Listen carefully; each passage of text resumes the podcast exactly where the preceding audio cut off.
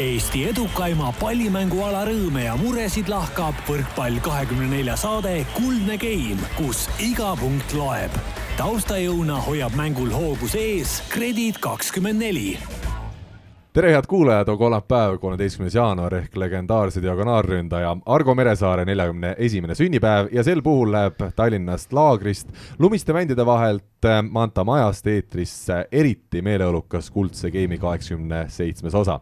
ja Rivo, Andres ja Rene, üks, kaks, kolm, neli, palju õnne sünnipäevaks sulle, Argo Meresaar ilus ühiskoor ja ikka solist Rivo võtab äh, ohjad enda kätte. mis teid üldse Argoga seob? Rivo, sina mängisid vist temaga koos ikkagi üsna mõnda aega?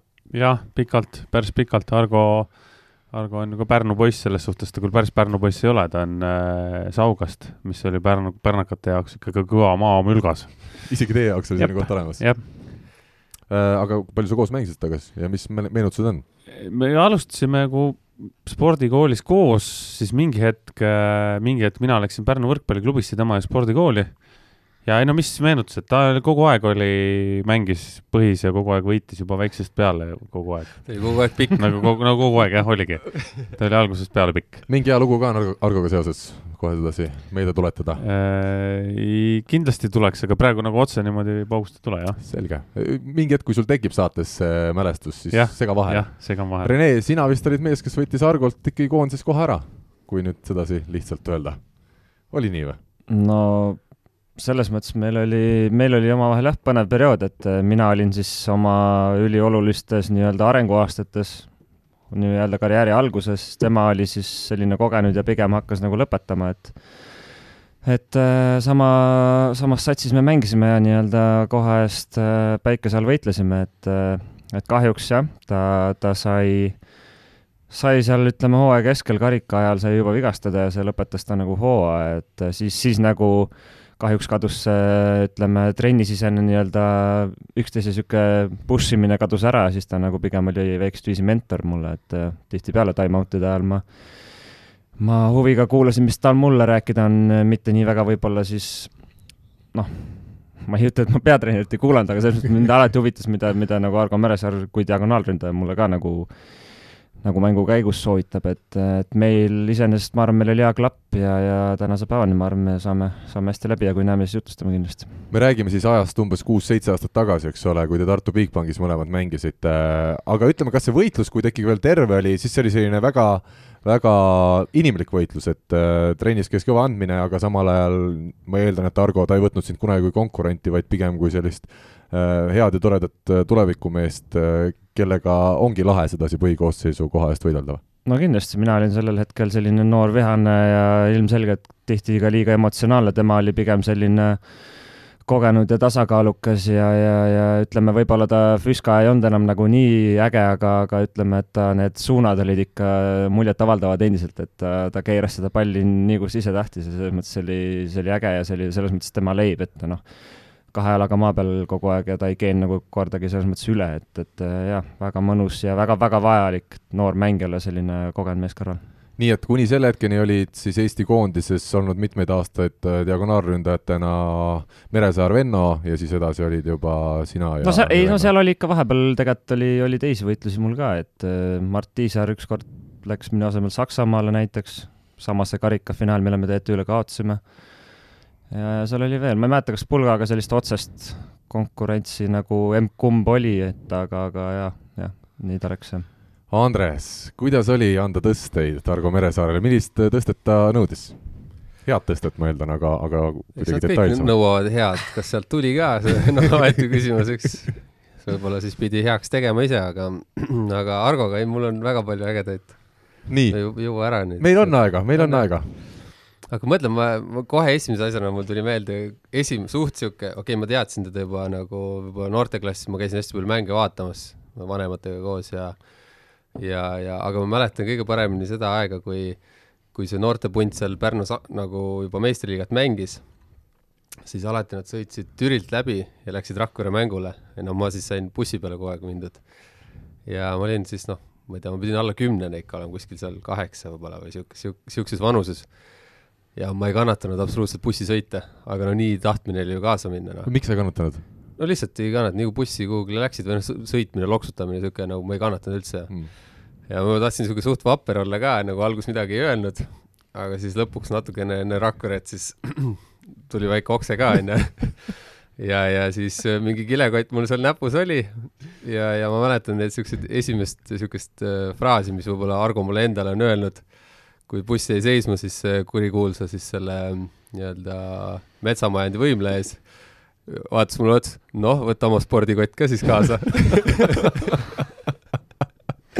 nii et alati ei ole kõige rohkem sõnu tulemas Argo suust, aga kui tuleb, siis need sõnad on äh, põhjendatud. jaa, et võib küsida kindlasti talle, ma ei tea, kas see on A-rühma, see popmuusiku kõiki sõnu ta kindlasti teab ja meeldib räppida ja, ja, ja väga tore on tal see, kui ta oma peopesa peal äh, klaverit mängib, see on päris, päris äge. oma peopesa peal klaverit, kas sa oskad natukene meile selgitada, mida ta see teeb tähendab? lihtsalt seda nii, nii mõjuvalt, et sa arvadki, et äkki see ongi see.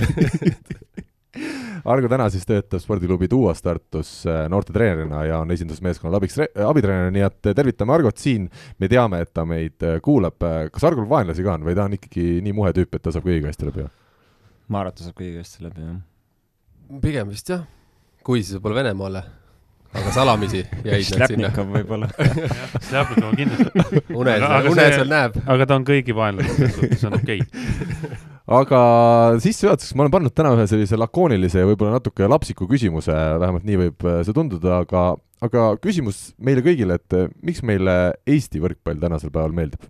oskate lihtsalt välja tuua midagi Eesti võrkpalli juures, mis on äh, hea, mis on parem kui mujal või, või mis on äh, eriline? Rivo, sina oskad kindlasti midagi öelda? Sa küsisid, miks või? jaa, mis on Eesti võrkpallis Mis? äh, head? mis on Eesti võrkpalli juures head? ma hakkasin köhima praegu selle no peale. mängijad on head, osad, mängijad on head, osad. osad mängijad osad. mängijad on head kõige Siis- parem. ja siis meil on äh, kõikse paremad treenerid oma meid kui see, see on lihtne küsimus, see Jaa, on jumala jaa. keeruline küsimus, siin peab ikka mõtlema hakkama. no aga see mõtlemine käibki saate juurde.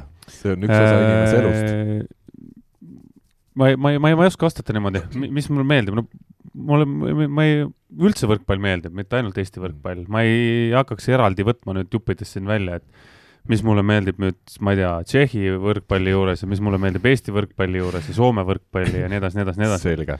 võrkpall on võrkpall, võrkpall on tore mäng ja, ja that's it. järgmises saates ma küsin su käest, mis sulle Tšehhi võrkpalli juures meeldib, sa oled selleks nädal aega. Finger, mulle meeldib Finger, Fingerpuss see on ainuke mees, keda ma tean seal.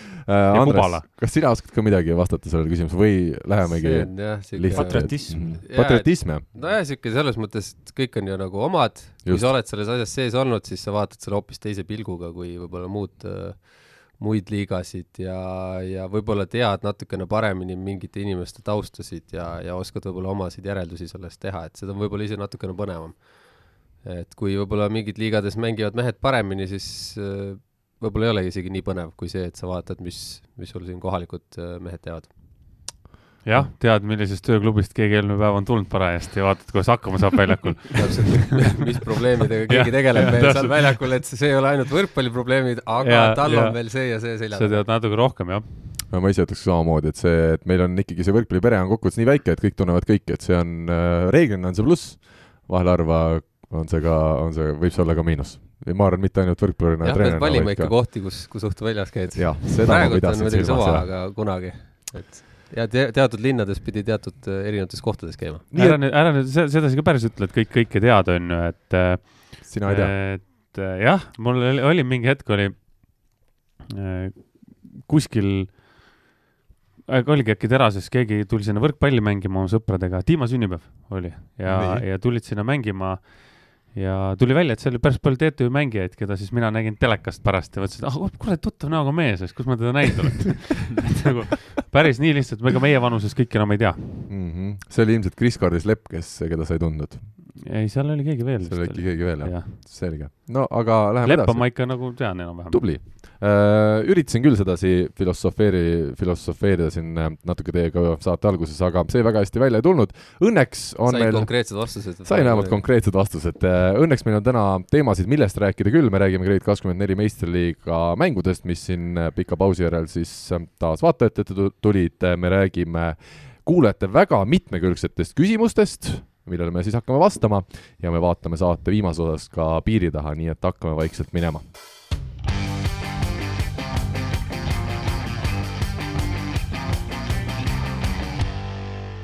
kokku peeti Grade kakskümmend neli meistriliigas möödunud nädalal siis kolm mängu kolmenädalaselt pausilt liiga naases ja alustame siis sellest esimesest mängust. Laupäeva pärastlõunal Tartu Bigbank võitis kolm-null TalTechi ja kui siin ikkagi oli juttu pausi ajal, et Alar Rikbergi hoolealustest ju enamik põhimehi on äh, erinevate vigastuste või tervisemuredega hädas, siis tuli väljakule meeskond oma parima koosseisuga. Ja mida see nüüd näitab, kas see siis näitab seda, et ikkagi tänasel päeval on iga mäng Balti liigas ka põhiturniiril kõigi võistkondade jaoks niivõrd hinnaline, et ei olegi võimalik seal varumeestele väga mänguaega anda?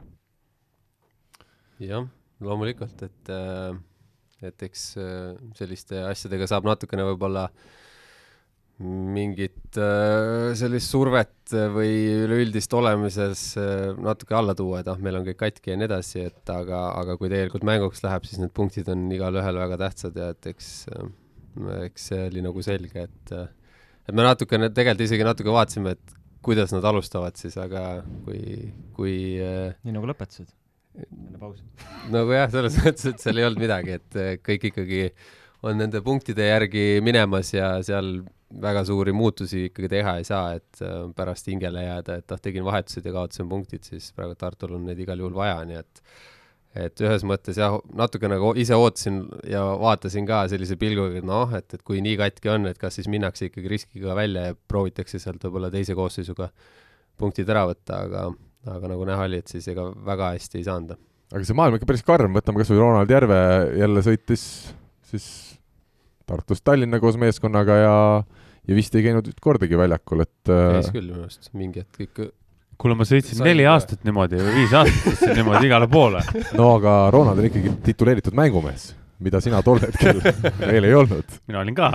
või? ma ei teinud selle jaoks suurt midagi. aa, selge. trenni mm. -hmm. trennimees, trennikeha. aga mis tunne on, kui sa ütled, sinagi käisid, eks ole, aastaid, me ei räägi ühest hooajast või ühest kuust, vaid aastaid lähed jälle bussi, sa tead, et sul on äh, laupäeva õhtul, sa võiks, sõbrad lähevad sul, teevad võib-olla väikse tango kuskil Pärnu äh, kuursaalis. kindlasti. ja, ja sina pead minema jälle meeskonnaga kuskile näiteks Tallinnasse mängule ja sa tead, et sul sisuliselt mänguvõimalust ei ole. nagu bussiga tagasi sõites võib-olla oli ka tango. Tallinnast, Tallinnast jõudis tangole tõesti tagasi, Tartu ja nagu Rakvere olid siuksed pikemad otsad, kus oli noh. Ei, aga mis seal ikka, selles suhtes, et äh, iga, iga mängija ju saab tegelikult aru, et mis roll tal võistkonnas on, et kõik ei saa põhimängijad olla. no roll rolliks, aga kõik mängijad, absoluutselt kõik mängijad, absoluutselt kõik mängijad on võistkonnale kasulikud, absoluutselt kõik mängijad, muidu neid sinna ei võeta. Ma arvan, et seal on ambitsioonikus ka natuke mängus mm, -hmm. et äh, mis su ambitsioon on, kas sa, kas su, ma ei tea, mõtetes sihid on kuskil välismaa tippliigad näiteks, et siis ilmselgelt sa oled rohkem frustreeritud äh, sellest olukorrast ja nii edasi, et aga kui sa kui sa võtad seda kui fun'i ja, ja sa näed ennast ikkagi, ma ei tea, insenerina siin paari aasta pärast, siis ma arvan, seda kõike on nagu lihtsam alla neelata, jah, et et aga jah, see noh, mindset selles mõttes kindlasti on ikkagi see, et sa tõesti, sa ei mõtlegi mingi hetk enam niisuguste asjade peale, et sa oled noh, sa tead juba oma graafikut ette pikalt ja sa oled sellega arvestanud, et seal ei ole mitte midagi erilist. jah, et, et sellisel juhul ongi, et see, see treeningu osa ja see võistkonna nagu üldine asi, et noh, need mehed, kes võib-olla rohkem seal kastis ongi, nad saavadki aru, okei okay,, mina aitan nii palju kui võimalik nende asjadega ja kui ma selle asjaga saan hakkama, siis ma olengi nende asjade üle nagu uhke. kogu võistkonna eest loomulikult, on ju, kui midagi võidetakse ja nii edasi, ja kui mina saan veel mingi panuse anda, see on nagu väga hea, noh, nagu praegultki ehe näide, noh, siin on neid kehasid veel, noh, kas või nüüd siin jutt on Siim Ennemoist, on ju, et et noh, ta ju saab selgelt aru, et noh, et kui tema saab mängida, siis see on juba tal nagu räige boonus, aga see, kui palju ta tegelikult suudab võib-olla selle ühe või kahe trenniga nädalas tegelikult kogu mees, meeskonna arengut äh, nagu hoida, see, see nagu noh, sellest peab ise siis mängija aru saama. või võib-olla näiteks täna jah, ma ei tea, Mihkel Varblan äh, on tänu sellele terve, et ta andis mingil määral puhkuse momenti kas või treeningul, et seal on nii palju seoseid no aga Rivo, kuidas siis oli, Rene ütles, et kui sul on ikkagi ambitsiooni jõuda väga kaugele lõpuks võrkpallurina, sina lõpuks võrkpallurina ju väga kaugele jõudsid, küll mitte saalis, vaid äh, rannas, kas siis oli seda frustratsiooni, et äh, näed jälle, jälle treener ei pane mind väljakule, vaid paneb need kogenumad mehed, kes sul üldse olid tempomehed tol hetkel ees? Äh, meil oli põhimõtteliselt kogu aeg oli üks välismaa tempo, sest siis nagu eestlaste jaoks tehti see olukord üsna kitsaks. ja kes eestlastest oli? Pajusalu oli mingi hetk. et seal oligi nagu raske üle mängida üldse? ei olnud, ma ei ütleks, mina sellel hetkel ei arvanud kindlasti, et ma olen hullem kui halvem mängija kui Raimo Pajusalu või Täna- Täna... eriti need välismängijad. Eri, eriti need välismängijad, ma arvan, et need, Paju oli Paju, on ju, mingi hetk ta oli ikkagi nii hea, et seal, seal ei olnud küsimust ka.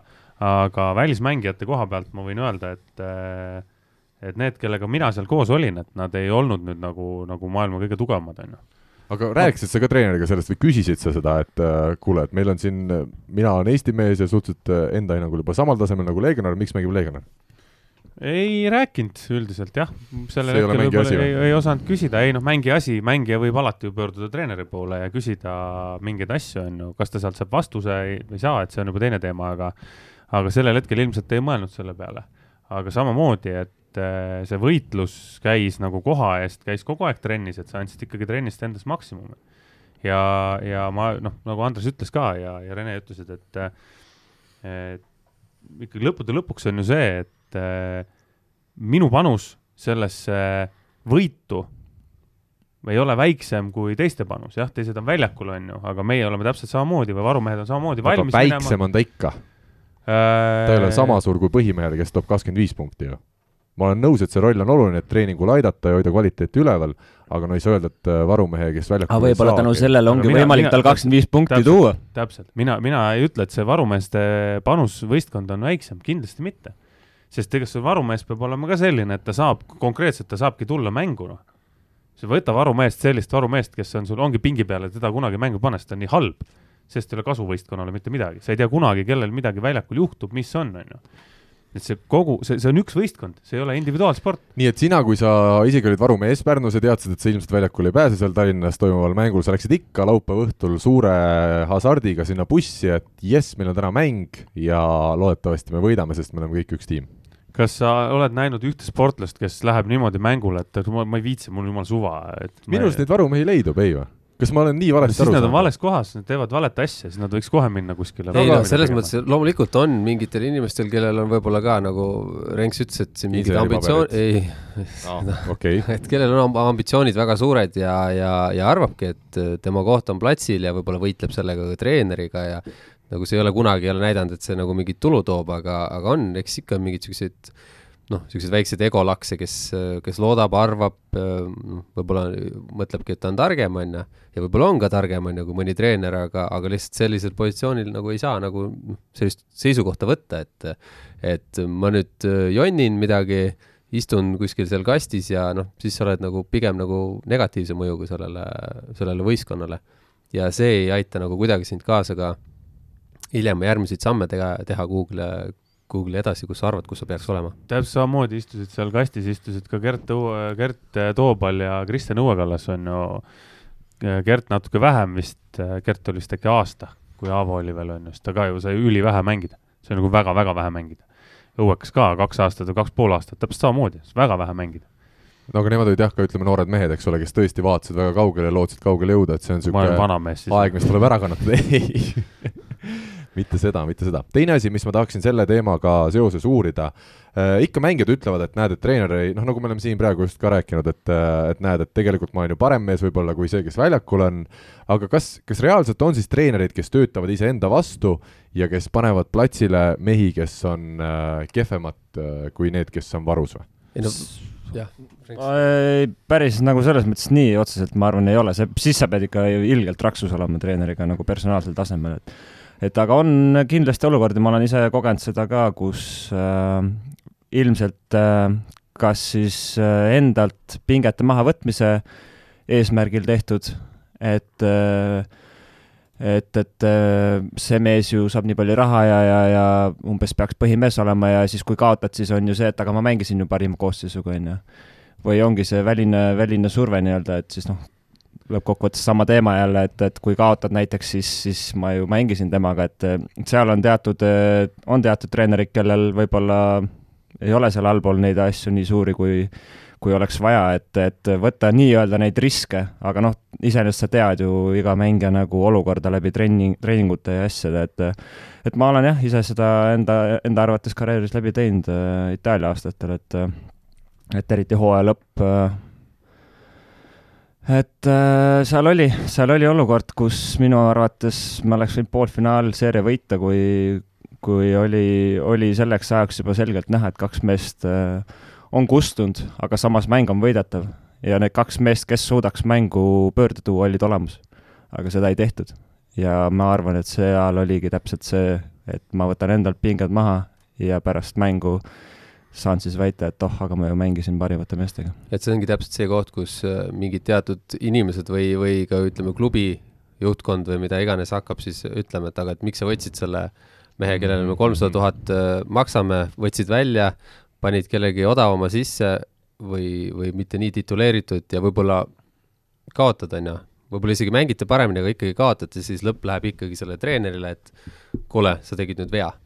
Aga kui ta mängib nendega lõpuni, see näitab võib-olla seda, et treener on ka võib-olla noh, ongi jah, nagu Renks ütles, et võib-olla ei ole nii palju neid mune, et teha see otsus ära, on ju. ja, ja, ja sealt võivad noh, see üks niisugune kaalukeel kindlasti tekib, aga mis veel on jah, et loomulikult mängijana sa näed väga palju Äh, enda vaatepunktist. ma teeks, ma võib-olla aitaks sealt, aga mis ma ise nüüd nagu praegult olen ka näinud, et vahepeal on sellised kohad, kus sa võid mõelda küll, et ah, sellel mehel on, ma ei tea, vastuvõtt parem, sellel, sellel mehel on, ma ei tea, rünnak parem ja siis peadki leidma selle mingi viisi, aga samas on ka see, et kuidas, kuidas see kokku kõlab, et äh, kõikide teiste meestega ja, ja tegelikult nagu väga palju mängijad ise sellel samal ajal, kui nad mängivad, võib-olla selle peale ei mõtle ja tegelikult ei oskagi arvestada. ma ei ütle, et seda, treenerid alati õige otsuse teevad, aga kui on nagu mingi treeneri poole pealt mingi visioon, siis ta üritab seda kas või isegi võib-olla, et kui see praegu ei toimi, aga ta näeb, et tulevikus see peaks toimima, siis võivad tekkida niisugused väiksed nagu noh, arusaamatused mängijate vahel, kes nagu rohkem kujutab enne, et aga mina sooviks äkki seal platsi peal rohkem. mitte seda, et milline visioon nagu treeneril oli, et selliseid asju tekib jah, ikka kõige vähem meie legionäridest, Eesti klubi legionäridest tänavusel hooajal on saanud mänguaega teie ehk siis Tallinna Selveri sidemängija Niko Haabakovski, kahekümne nelja aastane soomlane, tuli siia Eestisse. kas tema kuulub siis ka nende mängijate hulka, kes oligi võetud selle suunisega, et ta teadis, tal oli juba öeldud, et, et sa ei ole meile võetud siia põhimeheks, et sa oledki võetud selleks vennaks, kes, kellele me anname võimaluse heas keskkonnas areneda, heade treeneritega areneda, aga me ei garanteeri sulle mänguaega.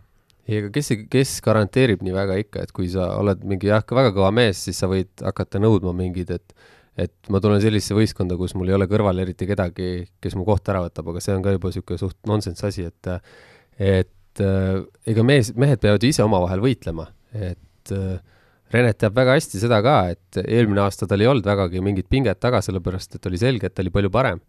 Praegult on selge see, et üks tõukab teist tagant, noh. Mm., et äh, praegult on ikkagi see, et äh, Renet ka võib-olla ei alustanud kõige paremini, aga vähemalt äh, algust ta nägi, et kui, kui ta ennast nagu ei hakka väga palju seal survestama, siis, siis võib ka Niko endale hea hoo sisse saada ja, ja mängida, et noh, et ega ega seda kindlasti nüüd ei olnud, et, et sa tuled välismaalt, et siis sa pead põhis olema, see on, see on selge. Ja loomulikult, eks ta tõstabki kvaliteeti lihtsalt, et ja tema peab samamoodi ootama oma aega ja ja kui see aeg tuleb, siis, siis see tuleb ja, aga tema on ka kindlasti üks nendest meestest, kes aitab trenni kvaliteeti tõsta ja, ja kõiki teisi arendada ka. et ta on ühesõnaga rahul praegu oma rolliga, ta ei ole igast trennist nägu ma ei ole küsinud, kas, kas oled rahul, et, et ega ma arvan, et kui kui meeskond mängib hästi, siis ma ei, ei arva, et tal midagi peaks olema viga ka kui Tartu võitis laupäeval TalTechi, siis mõned tunnid hiljem äh, sõitis Selver Pärnusse, mängis seal siis, ma ei tea, veerand või poole saali peal Pärnuga ja üks omamoodi mäng see oli, juba seda ülekannet vaadata sealt diagonaalist oli päris huvitav. Äh, te võitsite, ehk siis Selver võitis selle mängu kolm-null, kuusteist, kuusteist ja neliteist punkti vaid siis sai Pärnu geimides. Aavo Keel päev hiljem äh, teleülekande alguses ütles, et kõrgete pallide lahendamine oli ainus asi, mis kahe klubi vahel tegi selle vahe siis sisse mulle tundub, et see vahe oli ikkagi liiga suur, et öelda, et siin ainult kõrgete pallide lahendamises see olukord oli, noh, Selveri mehed mõistagi ei ole siin, ei ole siin erapooletud, aga kuidas teie hindate, mis seal siis tegelikult määravaks sai? kas ainult kõrged pallid? no alustame sellest, et äh, ma ei tea, mida teised tegid, aga me tegime päris kõva füska selle jõuluperioodi, et äh, jah, me küll nii-öelda puhkasime viis päeva, aga juba seal oli tegelikult viie päeva sees kaks kohustuslikku jõusaali, et äh, selline puhkus kui selline ei olnud. Puhkus otseselt ja see ei pidanudki olema, sest see oli aeg, kus, kus saab põhja laduda hooaja teiseks pooleks, et et äh, jah, me, meil siin ka eelmine nädal, et äh, ei andnud nagu väga palju põh põhjust olla positiivne, ütleme siis nii, et et veel mängueelne trenn seal eelmine päev tegelikult oli nagu noh, üsna halva kvaliteediga, et hästi selline punnitamine, hästi raske, ka endal oli väga raske olla, et ähm, et selles mõttes eeldasin, mina eeldasin tõesti, et kui me kolm punkti saame, no siis nukid kõigile, et et äh, selline asi teinekord mobiliseerib ja see, see nagu jälle juhtus, et äh, me olime valmis väga tuliseks lahinguks, vaimselt just.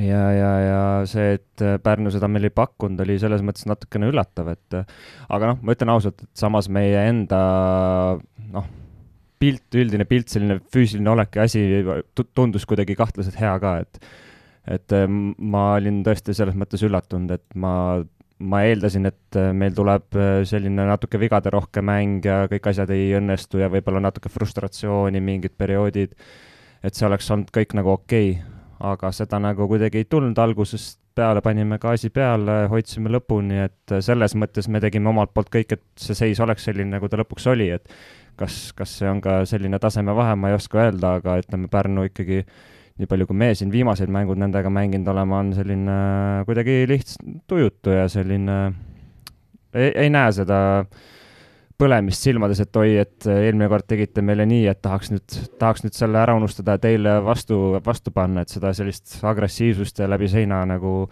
värki nagu selles mõttes ei näinud, et, et aga noh, jah, ütleme siis kõrged pallid tõesti olid kindlasti meie kasuks jah, aga ma arvan, et äh, ei olnud elementi, mis olnud meie kasuks ka, et servil, ma arvan, me ei teinud äh, mingit imepäeva, aga samas piisavalt, et me hoidsime neid seal, ütleme, nelja-viie meetri peal. noh, sealt tulid, tulid ka sellised individuaalsed sooritused rohkem mängu Pärnu poolt ründajatel, et äh, et kohati me pidurdsime neid plokiga hästi, siis jälle saime kaitses mõned pallid, kuigi noh, kaitsemäng oli see just need äh, plokist tulnud puuted või kaitsepalli puuted olid sellised väga rabedad ja sealt me paneme kindlalt äh, juba selleks nädalavahetuseks juurde, see on selge, see on puhtalt see, et äh, tõesti noh, kehad ikkagi olid, äh, ütleme siis, rauased kangi, kangi tõstmisest ja asjast, et äh, need puuted tõesti ei olnud nagu kvaliteetsed, mis nad nagu, mille kallal me oleme tööd teinud ja mis nagu üldiselt on toiminud, et et aga see on loo-, loomulik protsessi osa ja selles mõttes eks noh, me ise oleme selle nagu populaarsuse enda jaoks tekitanud, et me peame olema valmis selleks, et iga vastane tuleb meie vastu äh, saja kümnega ja tahab meid paika panna, et äh, minu jaoks väga meeldiv selline challenge, et äh, see kindlasti motiveerib mind iga päev trenni minema ja endast ikkagi jälle veel rohkem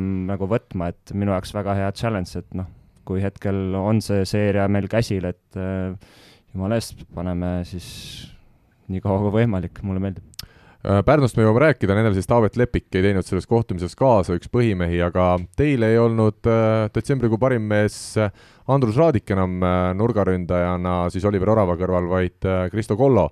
esmalt põhjus puhtalt taktikaline siin, Raadikul mingit vigastust ei ole? ei, Raadikul vigastust ei ole, tema on, nagu me siin oleme rääkinud, nagunii, et kui tema on, võtab väga suuri raskusi kangi selga või ütleme, selga, siis, äh, siis ta tuleb sellest, ütleme, raskemini välja, tegelikult on ta nagu olnud trennides päris terav, on ju, aga, aga siiski leidsime, et äh, on niisugune hea aeg, kus, kus anda nagu kõigile võimalust, et äh, samamoodi, et Mark siin oli, on siin natuke seljaga probleeme. Mark Sarul siis, jah? ja, ja, ja, ja Elger on siin, noh, see ongi täpselt see moment, et Elger on üks, ma arvan, et Eestis üks paremaid näiteid selles mõttes, et kuidas, kuidas mees töö kõrvalt tahab ja jõuab ja, ja ja teeb mitte niimoodi, et ta teeb selle trenni ära, vaid ta on nõus nagu ka peale tegema ja kõiki siukseid asju ja, ja ootabki seda oma momenti, et nüüd, nüüd näiteks Pärnu vastu tulla mängima, teha väga korralik esitlus, et äh, müts maha. hästi mängis, ma ütlen ausalt. mängis väga hästi, jah.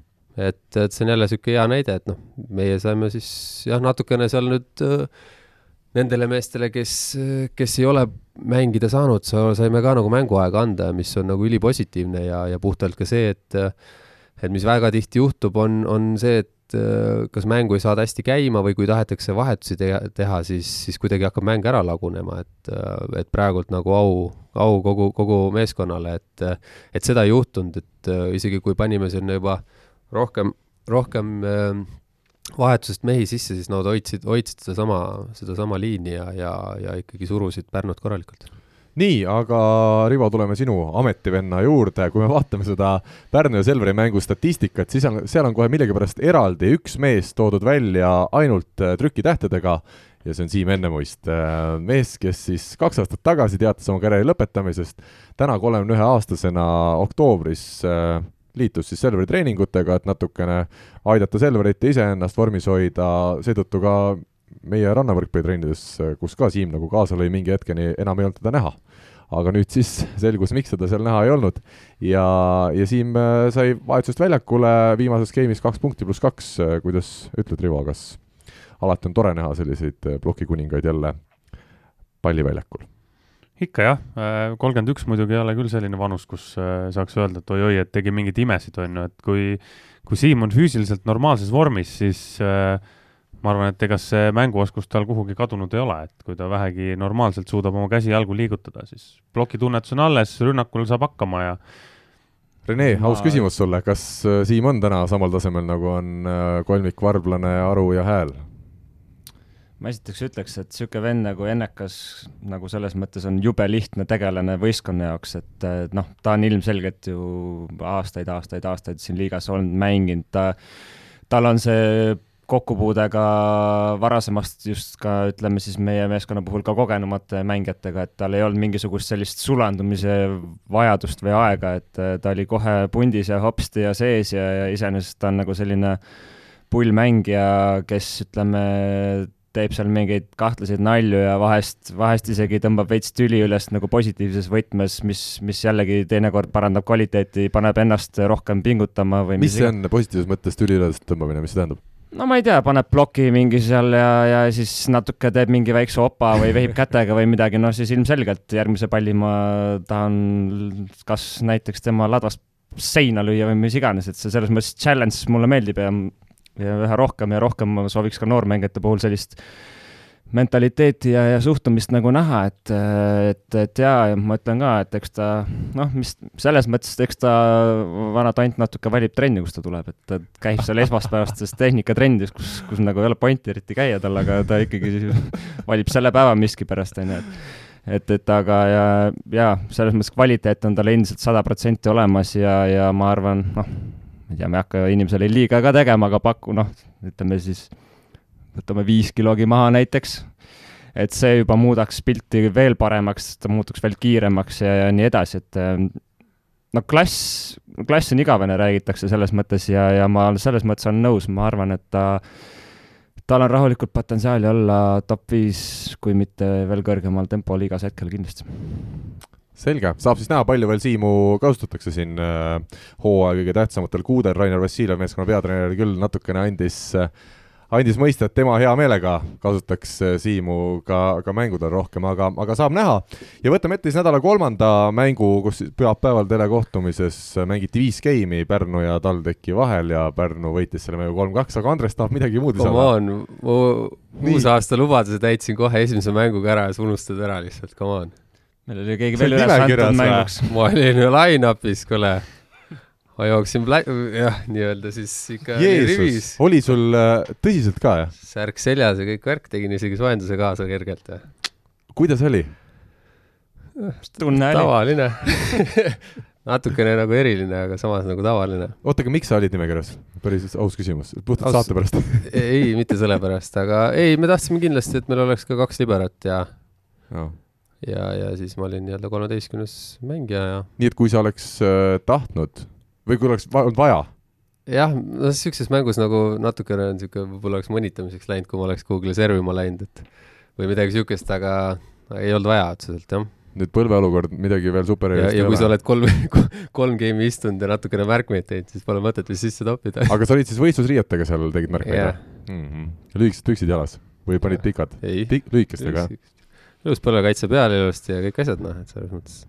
Okei okay,, aga ühesõnaga põlvel täna selline uuriv ajakirjandus meil ongi siis. nii, jah, väga vabandan kõige eest, siin on see saladustest ava-, tulnud avalikuks, aga, aga ütle, tegelikult ei ole veel loota, et sa mängima hakkaksid? ei, ega ma mängima rahulikult, ma ei, ma ei push'i, et ma teen rahulikult trenni ennem.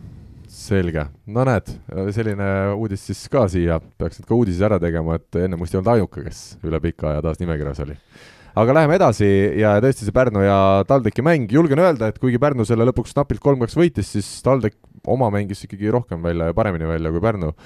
Pärnu seda materjali tundub olevat ju küllaga, aga ei, ei mängi see Osolint seal korralikult, Plataks on nii, nagu jumal juhatab, ühes game'is null punkti, teises game'is kaheksa punkti milles seal siis viga on, kas Rivo, sina julged oma kodulinna kohta midagi, midagi hinnangulist öelda?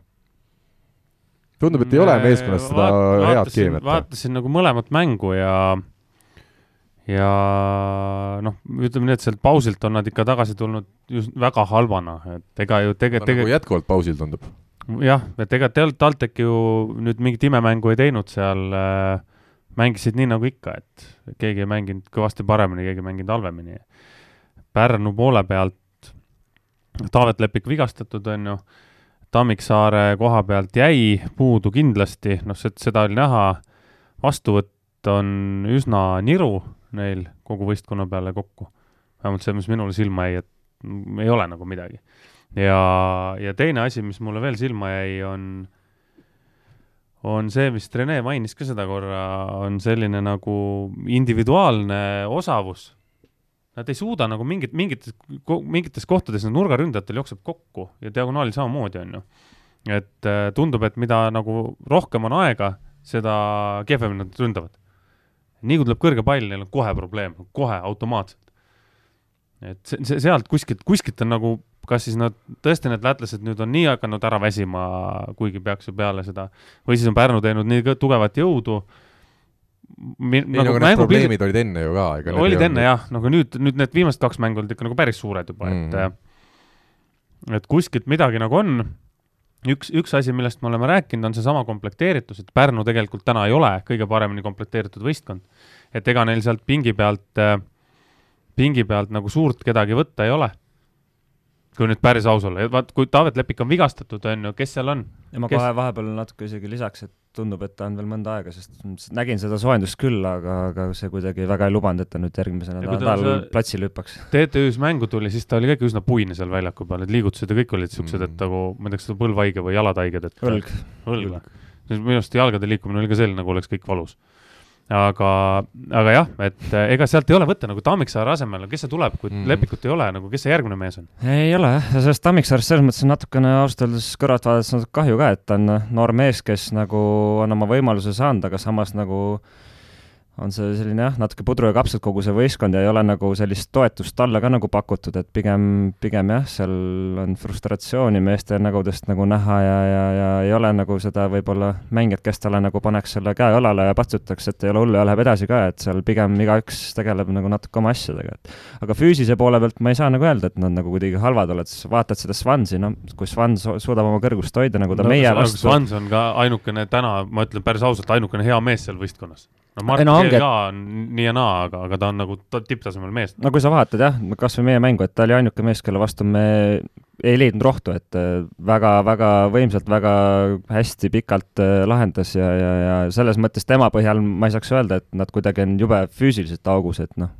kas üks mees hüppab äh, selle sammusega üle võrgu, et teised siis on kuidagi nii palju järsku kehvemad, seda ma ei usu jah, et me jõudsime selleni, et individuaalselt, aga noh, ma, ma ei, ma ei näinud ka, et nad oleks siis nagu, kui individuaalselt ei saa, et siis peaks nagu üritama meeskondlikult, aga see nagu oli vist veel väiksem see toetus seal üksteisele, et, et see, mis Renks ütles Tammiksaare kohta, et vahest on tõesti kahju, et ega sealt mingit abi, et ega ta on seal kolm individuaalset meest sealt niimoodi võtavad vastu ja, ja ega sealt tundub, et mingit abi ei tule, et see vahepeal on tõesti natuke kahju vaadata. ma vaatan päris huvitavalt ka seda, kuidas treenerid väljaku kõrval tegutsevad, kui Rainer Vassiljev on äh, mees, kes ütleme, iga time-out'i ajal ikkagi selgitab väga palju ja kuidagi elab kaasa ja nii edasi, siis Aavo on ikkagi teistsuguse stiiliga mees, et ta vahepeal ei ütle seal isegi ühtegi sõna mängijatele, et et laseb neil nii-öelda siis kannatada või? Seda oli põnev vaadata jah, seesama TalTech ja Pärnu mäng oli seal mingid time-out'id olid täpselt, et time-out'e panin teleka kõvemaks, et siis vaata, sest see heli tuli üsna kehvasti ja, mingitel hetkedel onju.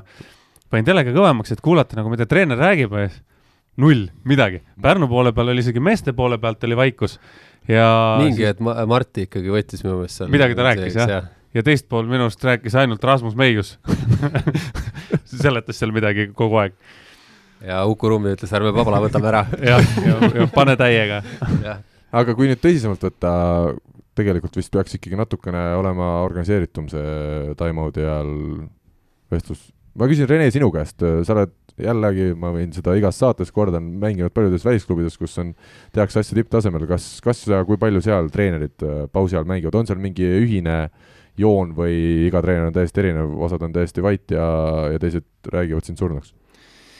On erinevaid jah, on kokkupuuteid ka väga-väga palju erinevatega, üks on olnud näiteks tegelane, noh, ma isegi ei nimeta riike, ma ei, ega, ega klubisid, see, see ei olegi idee praegu, et aga on olnud eh, treener, kes on inimesena või siis treenerina täiesti siis ebaküps, ma arvan, ja ebakindel oma olemuselt kus äh, karjus, röökis, mida ta rääkis, sellest keegi aru ei saanud, ta ise ei saanud sellest aru, noh, täiesti kasutu, on ju, iseenesest nagu küll rääkis, aga, aga täitsa nagu nonsense värk, on ju, et äh, ajal, kui oli vaja rahulikult võtta ja, ja ja, ja midagi tarka öelda, siis, siis sõimati nagu näod nii-öelda täis, et õnneks jah, tollel aastal oli küll olukord, kus äh, kus ütleme, saadi kiirelt aru, et punt peab väga kokkuhoidev olema, sest, sest mujalt abi väga palju loota ei ole, et et, et ja siis on no,, siis on olnud ka peatreener, kes lihtsalt on äh, selline tüüp, kes oli väga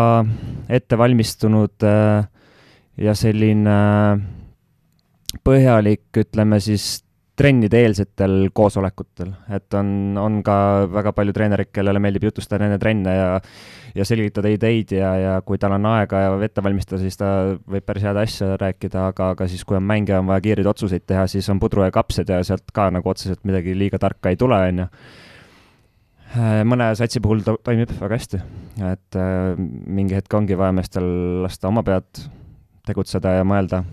ja siis on samas ka treenereid äh,, Äh, kes olenemata seisust, olenemata mis iganes, äh, hoiab oma kindlat joont. Äh, keskendub põhimõtteliselt ainult nagu taktikalisele jutule. Ja, ja ei ole seda, et, et umbes davai, läks, läks või et rahunege maha, et, et, et oma kindel joon annab ainult nagu sellist konkreetset mänguinfot, aga noh, jällegi, et see sõltub väga palju meeskonna hetkeolukorrast, kas sa oled ma ei tea, kümne punktiga peal ja kõik mehed on vaimselt äh, rahulikud ja vastuvõtlikud sellele infole või sa oled kümnega maas ja kõik on närvis ja oma peades kõik ropendavad ja mis iganes toimub, on ju, et, et neid äh, treeneri tüüpe ja ma arvan, et seda ideaali ei olegi nagu otseselt võib-olla olemas, et pigem on see, et äh, et tänapäeval ma olen näinud või noh, aru saanud või arvan isiklikult, et äh, treener, kes suudab äh, mis iganes tunde pealt siis ära ära nagu selles mõttes tunda, mida meeskond parasjagu vajab, see, see nagu on see parim nagu lahendus, aga, aga sellist ühte ideaali ma ei näe, et oleks, üks, mis kindel on see, et äh, treeneri paanika kandub mängijatele üsna lihtsalt üle mm, -hmm. et kui treeneril ka sõidab katus ära, siis äh,, siis laguneb väljakul ka mäng, et äh, seda on nähtud enne ja, ja, ja tuleb ilmselt ka veel, et see, see on üks asi, mida mina olen väga tähele pannud, et nii kui treeneril hakkab katus sõitma, siis väljakul laguneb kõik, et nii saalivõrkpallis kui rannavõrkpallis. Grade kakskümmend neli meistriliigas ehk Balti liigas on tänaseks siis seis selline, et jaanuarikuu jooksul ja vist ka natukene veebruari alguses loetakse kõik põhiturniiri mängud ära pidada äh, aga mitte nüüd enam siis kümne võistkonna vahel, vaid kaheksa võistkonna vahel, sest Jelgava ja Daugavpils, kes on Lätis ikkagi loetud siis amatöörklubide alla, suure tõenäosusega jätavad Balti hoo, Balti liiga hooaja katki, sest äh, nemad ei saa siis praegu lähtuvalt Läti riigi Äh, erimeetmetele ja, ja nendele olukordadele seal isegi koos treenida, mängimisest rääkimata. nii et ilmselt kõik kaheksa meeskonda, kes põhiturniiri lõpuni mängivad, pääsevad ka play-off'i, aga täna on jätkuvalt veel selgusetu, mil, missugune see play-off tuleb ja millal ta tuleb, kas enne mängitakse äkki isegi Eesti meistritiitlid välja, alles siis tuleb see Grade kakskümmend neli meistriliiga nelja võistkonna finaalturniir Äh, mis on nüüd äh, huvitav, on see, et üks mäng ainult Eesti klubide vahel on jäänud veel põhiturniiril pidada ja see on laupäevane Tartu Bigbanki kodumäng siis Tallinna Selveriga. ja kuna hetkel tabeliseis ütleb meile seda, et Saaremaa on kaheteist mängu kogunud kakskümmend üheksa punkti, on esikohal, Tartu Bigbank üheteist mängu kakskümmend kolm punkti ja Tallinna Selver kümne mängu kakskümmend kaks punkti, siis põhimõtteliselt laupäevaga saab äh, selgeks see, julgen nii öelda, kes siis Saaremaaga veel jääb seda võiduneeri võidu eest äh, võitlema, kui Tartu ikkagi selle kohtumise kaotab, siis on nemad küll igal juhul sellest esikoha konkurentsist väljas, sest et saarlastel on jäänud mängida veel Karkstai, Riia ja Jekapilsiga, Tartul siis Selveri, Riia, Jekapilsi, Jekapilsi ja Riiaga ja Selveril Tartuga, Riiaga, Jekapilsi, Karkstai ja Riiaga. see, nii, Karl, Karl on, Ei. sa võiks, sa võiks väga hästi hakata sa võiks Jumal, väga proovi hästi nüüd seesama lause kõik kokku võtta. Karl, sa võiks hakata Ei, no, sõitma ju- Lux Expressiga okay. Läti-Eesti või? ja pead ja, ja soovipeatuses Väga õige. Karstai, Ekapils, Ekapils, Riia, Radisson Sass Hotell ja Riia bussijaam. head reisi. kõige, kõik kõrvaklappe saab osta minu käest ja veepudel maksab üks euro. täna sõidab teiega bussijuht Toivo. ei no jutu mõte on see, et jutu mõte on see, et lihtsad vähe, mängida. ei, lihtsad mängud on kõigil ees, ma julgen nii öelda. kui me selle Selveri ja Tartu omavahelise mängu kõrvale jätame, no oota nüüd. Meie ju selles mõttes lätlastega mängime võõrsil.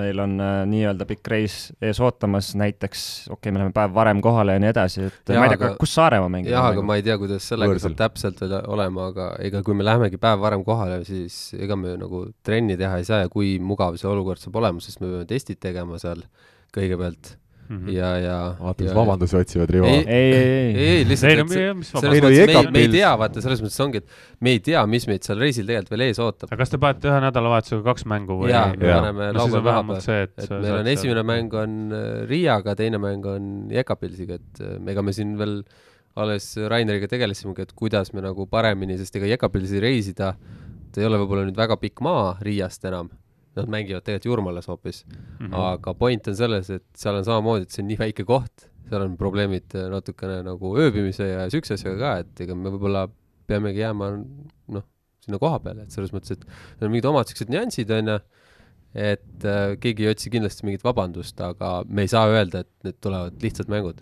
Need tulevad selgelt nagu ja me ei ole niimoodi väga mänginud ka kahte mängu järjest, et eks see saab meile nagu korralik ülesanne olema. minu ennustus äh, Põiduni lõpus on äh, tabeliseis järgmine, Saaremaa esimene, Selver teine, Tartu kolmas ja vot aga neljanda koha puhul on küll natuke küsimärk, kas see on Pärnu, Jekapils või, või Riia. Aga läheme edasi, kuna meil on teemasid küllaga ja küsimused siis No ma- kuulajatelt. ma arvan, et ega selles mõttes suures plaanis keegi ei oleks selle vastu, kui see finaalturniir Saaremaal korraldatakse, Saaremaa on aastast aastasse näidanud, kuidas nad suudavad organiseerida asja ja seal on alati tore atmosfäär ja selles mõttes kõik on, kõik on äge, et loodetavasti selleks ajaks saab ka rahvasaali ja ma arvan, et keegi selles mõttes ei, ei kobise, kui peab sinna mängima minema, et mina isiklikult väga hea meelega lähen, mõnus sihuke. Rivo, sina tahaks, et oleks Leedus ilmselt see finaalturniir? läks jah noh, utoopia on tore žanr muidugi, aga, aga ärme sinna lasku praegu, et eh, eks ta Eestis toimub kindlasti ja ma usun, et ega profisportlasel ei ole vahet, kus ta toimub, et ja läheme edasi oma saatega nüüd siis.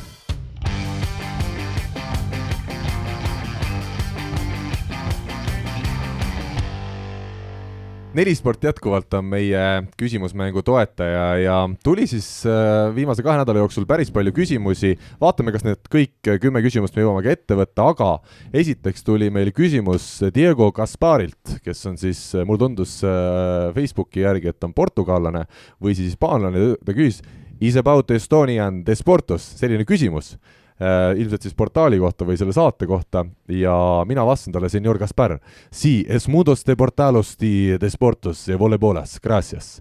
ja ta ei ole sinna midagi vastanud, aga ma eeldan, et ta see nüüd ei olnud nagu kõigile meile küsimus. see oli lihtsalt keegi hispaanlane oli kuhugi katt sattunud ja, ja saatis kohe küsimuse teele. Sii.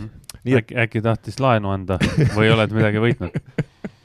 laenu võtta, ma arvan. küsi igaks juhuks käest, palju ma võitsin. Igatahes äh, läheme edasi ja esimene küsimus tuleb meil Joosepilt. pange kokku neljakesi Dream Team, mis on maailma kõige parem. kasutada võib ainult neid mängijaid, kes praegu mängivad.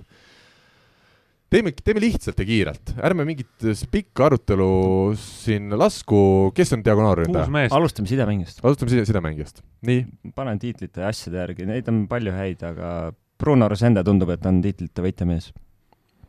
Andres, sa oled ka sidemängija. ei, selles mõttes ma ta võidab tiitleid, no Jah, ma ei ütle, et ta on kõige paremate kätega ja kõige tehnilisem, aga ta võidab tiitleid, noh.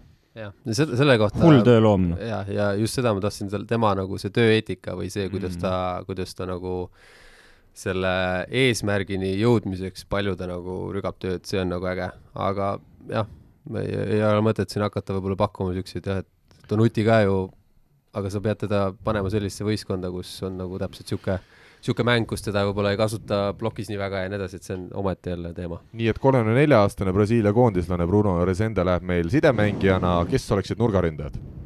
paneme diagonaali. paneme diagonaali, paneme diagonaali, nii nagu Rene soovib, nii me No. läheme.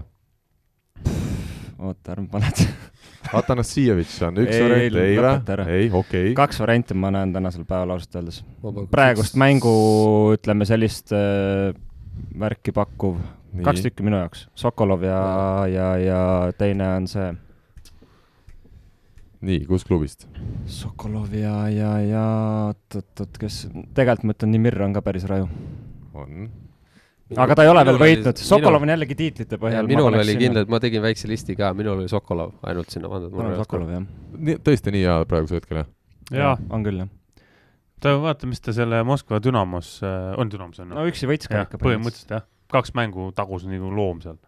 no Grebennikov on libero ilmselt või? oota, ma ütlen ära lihtsalt, et äh, meil ei ole nii veel haritud kõik need kuulajad, Svet-, Svetan Sokolov on meil täna Bulgaaria koondislane siis ja vanust kolmkümmend üks aastat. Eelmine suvi. jaa, ja üle-eelmine suvi. puhkamas. need olid need kontrollmängud, mis me enne EM-i mängisime, eks ole. nii, aga libero, jah, Grebennikov, ma arvan. Grebennikov. nii et tervitame Sten Esnat, tema endine olelune. õpilane. õpilane, ütleme nii, tubli, alluv õpilane on liberona ja, ja Grebennikov on meil Prantsusmaa koondis. jah, Läheme edasi, nüüd siis, kas nurgad tohib võtta? jaa, võib nurgata. Nii. ma isegi, ma arvan, et siin ei vaidle keegi, kui ma ütlen Leal ja Leon. Mhm. praegust seda värki, no Leal ütleme eelmine aasta või no kui ta läks Luubesse, ütleme, ta oli, ta oli enne seda juba võitnud klubide MM asju. esimene aasta Luubes läks nagu natukene kohanemiseks, noh, ütleme terve aasta tegelikult läks isegi siuksel mängil. aga tänaseks ilmselgelt eh, ta on number üks vend eh, Luubes ja noh, Luube teadupärast põhimõtteliselt võidab kõiki, kuigi ka neil on omad mured, kuna nad vahetasid jälle sidemängijat ja aega, elu on näidanud, et see ei ole väga libe teema ka tippklubis. nii et Itaalia kõrgligast tulevad meil mõlemad nurgad. Wilfredo Leon äh, on siis äh, Perugias ja ütleme, kui peaks varusse võtma, keda sa Poola liigast võtaksid? pikk paus. no seal on, no või, võib-olla mõni vaidleks vastu, et seal on selles mõttes MVP, ütleme hooaja MVP ära annaks praegu, see on kaks meest, noh. üks on Kamil Semenjuk Saksaga, Tšersin Kozles, kes taob vägevalt neid kõrgeid palle ja ütleme, kui on raske võistkonnal, siis tema on see mees, kes lahendab. teisest küljest on seal võistkonnas ka Aleksandr Slivka, kelle töö nagu teemat äh, ei saa alahinnata, sest see võistkond ei toimiks nii, nagu ta toimib täna ilma temata, ja näiteks mul olid ka need kaks meest olid kindlasti pandud nii-öelda selle niimoodi sinna, et kumb onju, aga mul ühte ma tahaks näha, huvitav oleks näha, kui Kljuka mängiks mõne, mõne siukse, ütleme näiteks Itaalia võistkonna ees, et kuidas ta kui ta mängiks mujal jah. jah, kui ta mõtleb mujal, ma tahaks näha seda, ma ei, ma ei tea, ma ei kujuta ette, aga lihtsalt mul on see, see mõte, et kui oleks tal natukene teine sihuke töökultuur ümber, et huvitav, mis ta siis tegema hakkab, et äh, ma lihtsalt ütlen ära ka, miks Kljuka on eriline mees, ta on nurgaründajate kohta ikka väga pikk, kakssada kaheksa ta sentimeetrit. hüppab mingi meeter ka. Mhm. see see on on, see on, ma arvan, et ta on üks maailma kõige kõrgemaid ründajaid. kusjuures see Venemaa liigas on neid, neid häid nurgaründajaid, aga nad on nii selles süsteemis kinni, et kui need tõsta sealt välja ja panna teistmoodi trenni tegema, teiste mingisuguste mõtlemiste ja asjadega, sealt võiks tulla neid igavene hunnik. Aga nad on nii pandud ühtemoodi mängima, ühte suunda, ühte värki kõike tegema. aga mis on nüüd huvitav, meie siis mõlemad nurgaründajad põhikoosseisus, nii Leon kui ka Leal on no siis full attack'i võistkond on, no me lähme siin ikkagi, võimuga võidetakse tiitleid aast-. arusaadav. noh, see on selge noh. aga see ka, et mõlemad on siis ju Kuubast pärit, aga Leon esindab tänasel päeval Poola koondist ja Leal äh, siis Brasiilia koondist. selles suhtes ka eriline nagu tuua siia. Äh, ja kas nüüd meil on siis temporündajad veel välja valimata? No Muserski ja paneme ikka, Simon ikka puhastab ka ikka veel tänase Mm. päevani. see saab ikka üks ülivõimas võistkond, servivõistkond. oi jopp. seal muud ei olegi, ainult servid.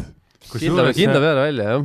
äh, Temps on veel tegelikult noh. jaa, kõvasti, sama jälle Venemaa liigas on Mm. neid igasugused Volkovid ja kes need seal on, need on, need on sihuke hunnik seal, et vaatad seda, praktiliselt iga mehe löögikõrgus on nelja meetri. ülipull vend on äh, Novosibirski sats, kui Juku ja, ja Freeshafen võitsid veel Novosibirski, neil oli puudu niisugune mees nagu Ilja Kurkajev, kes käis ka Tallinnas kunagi.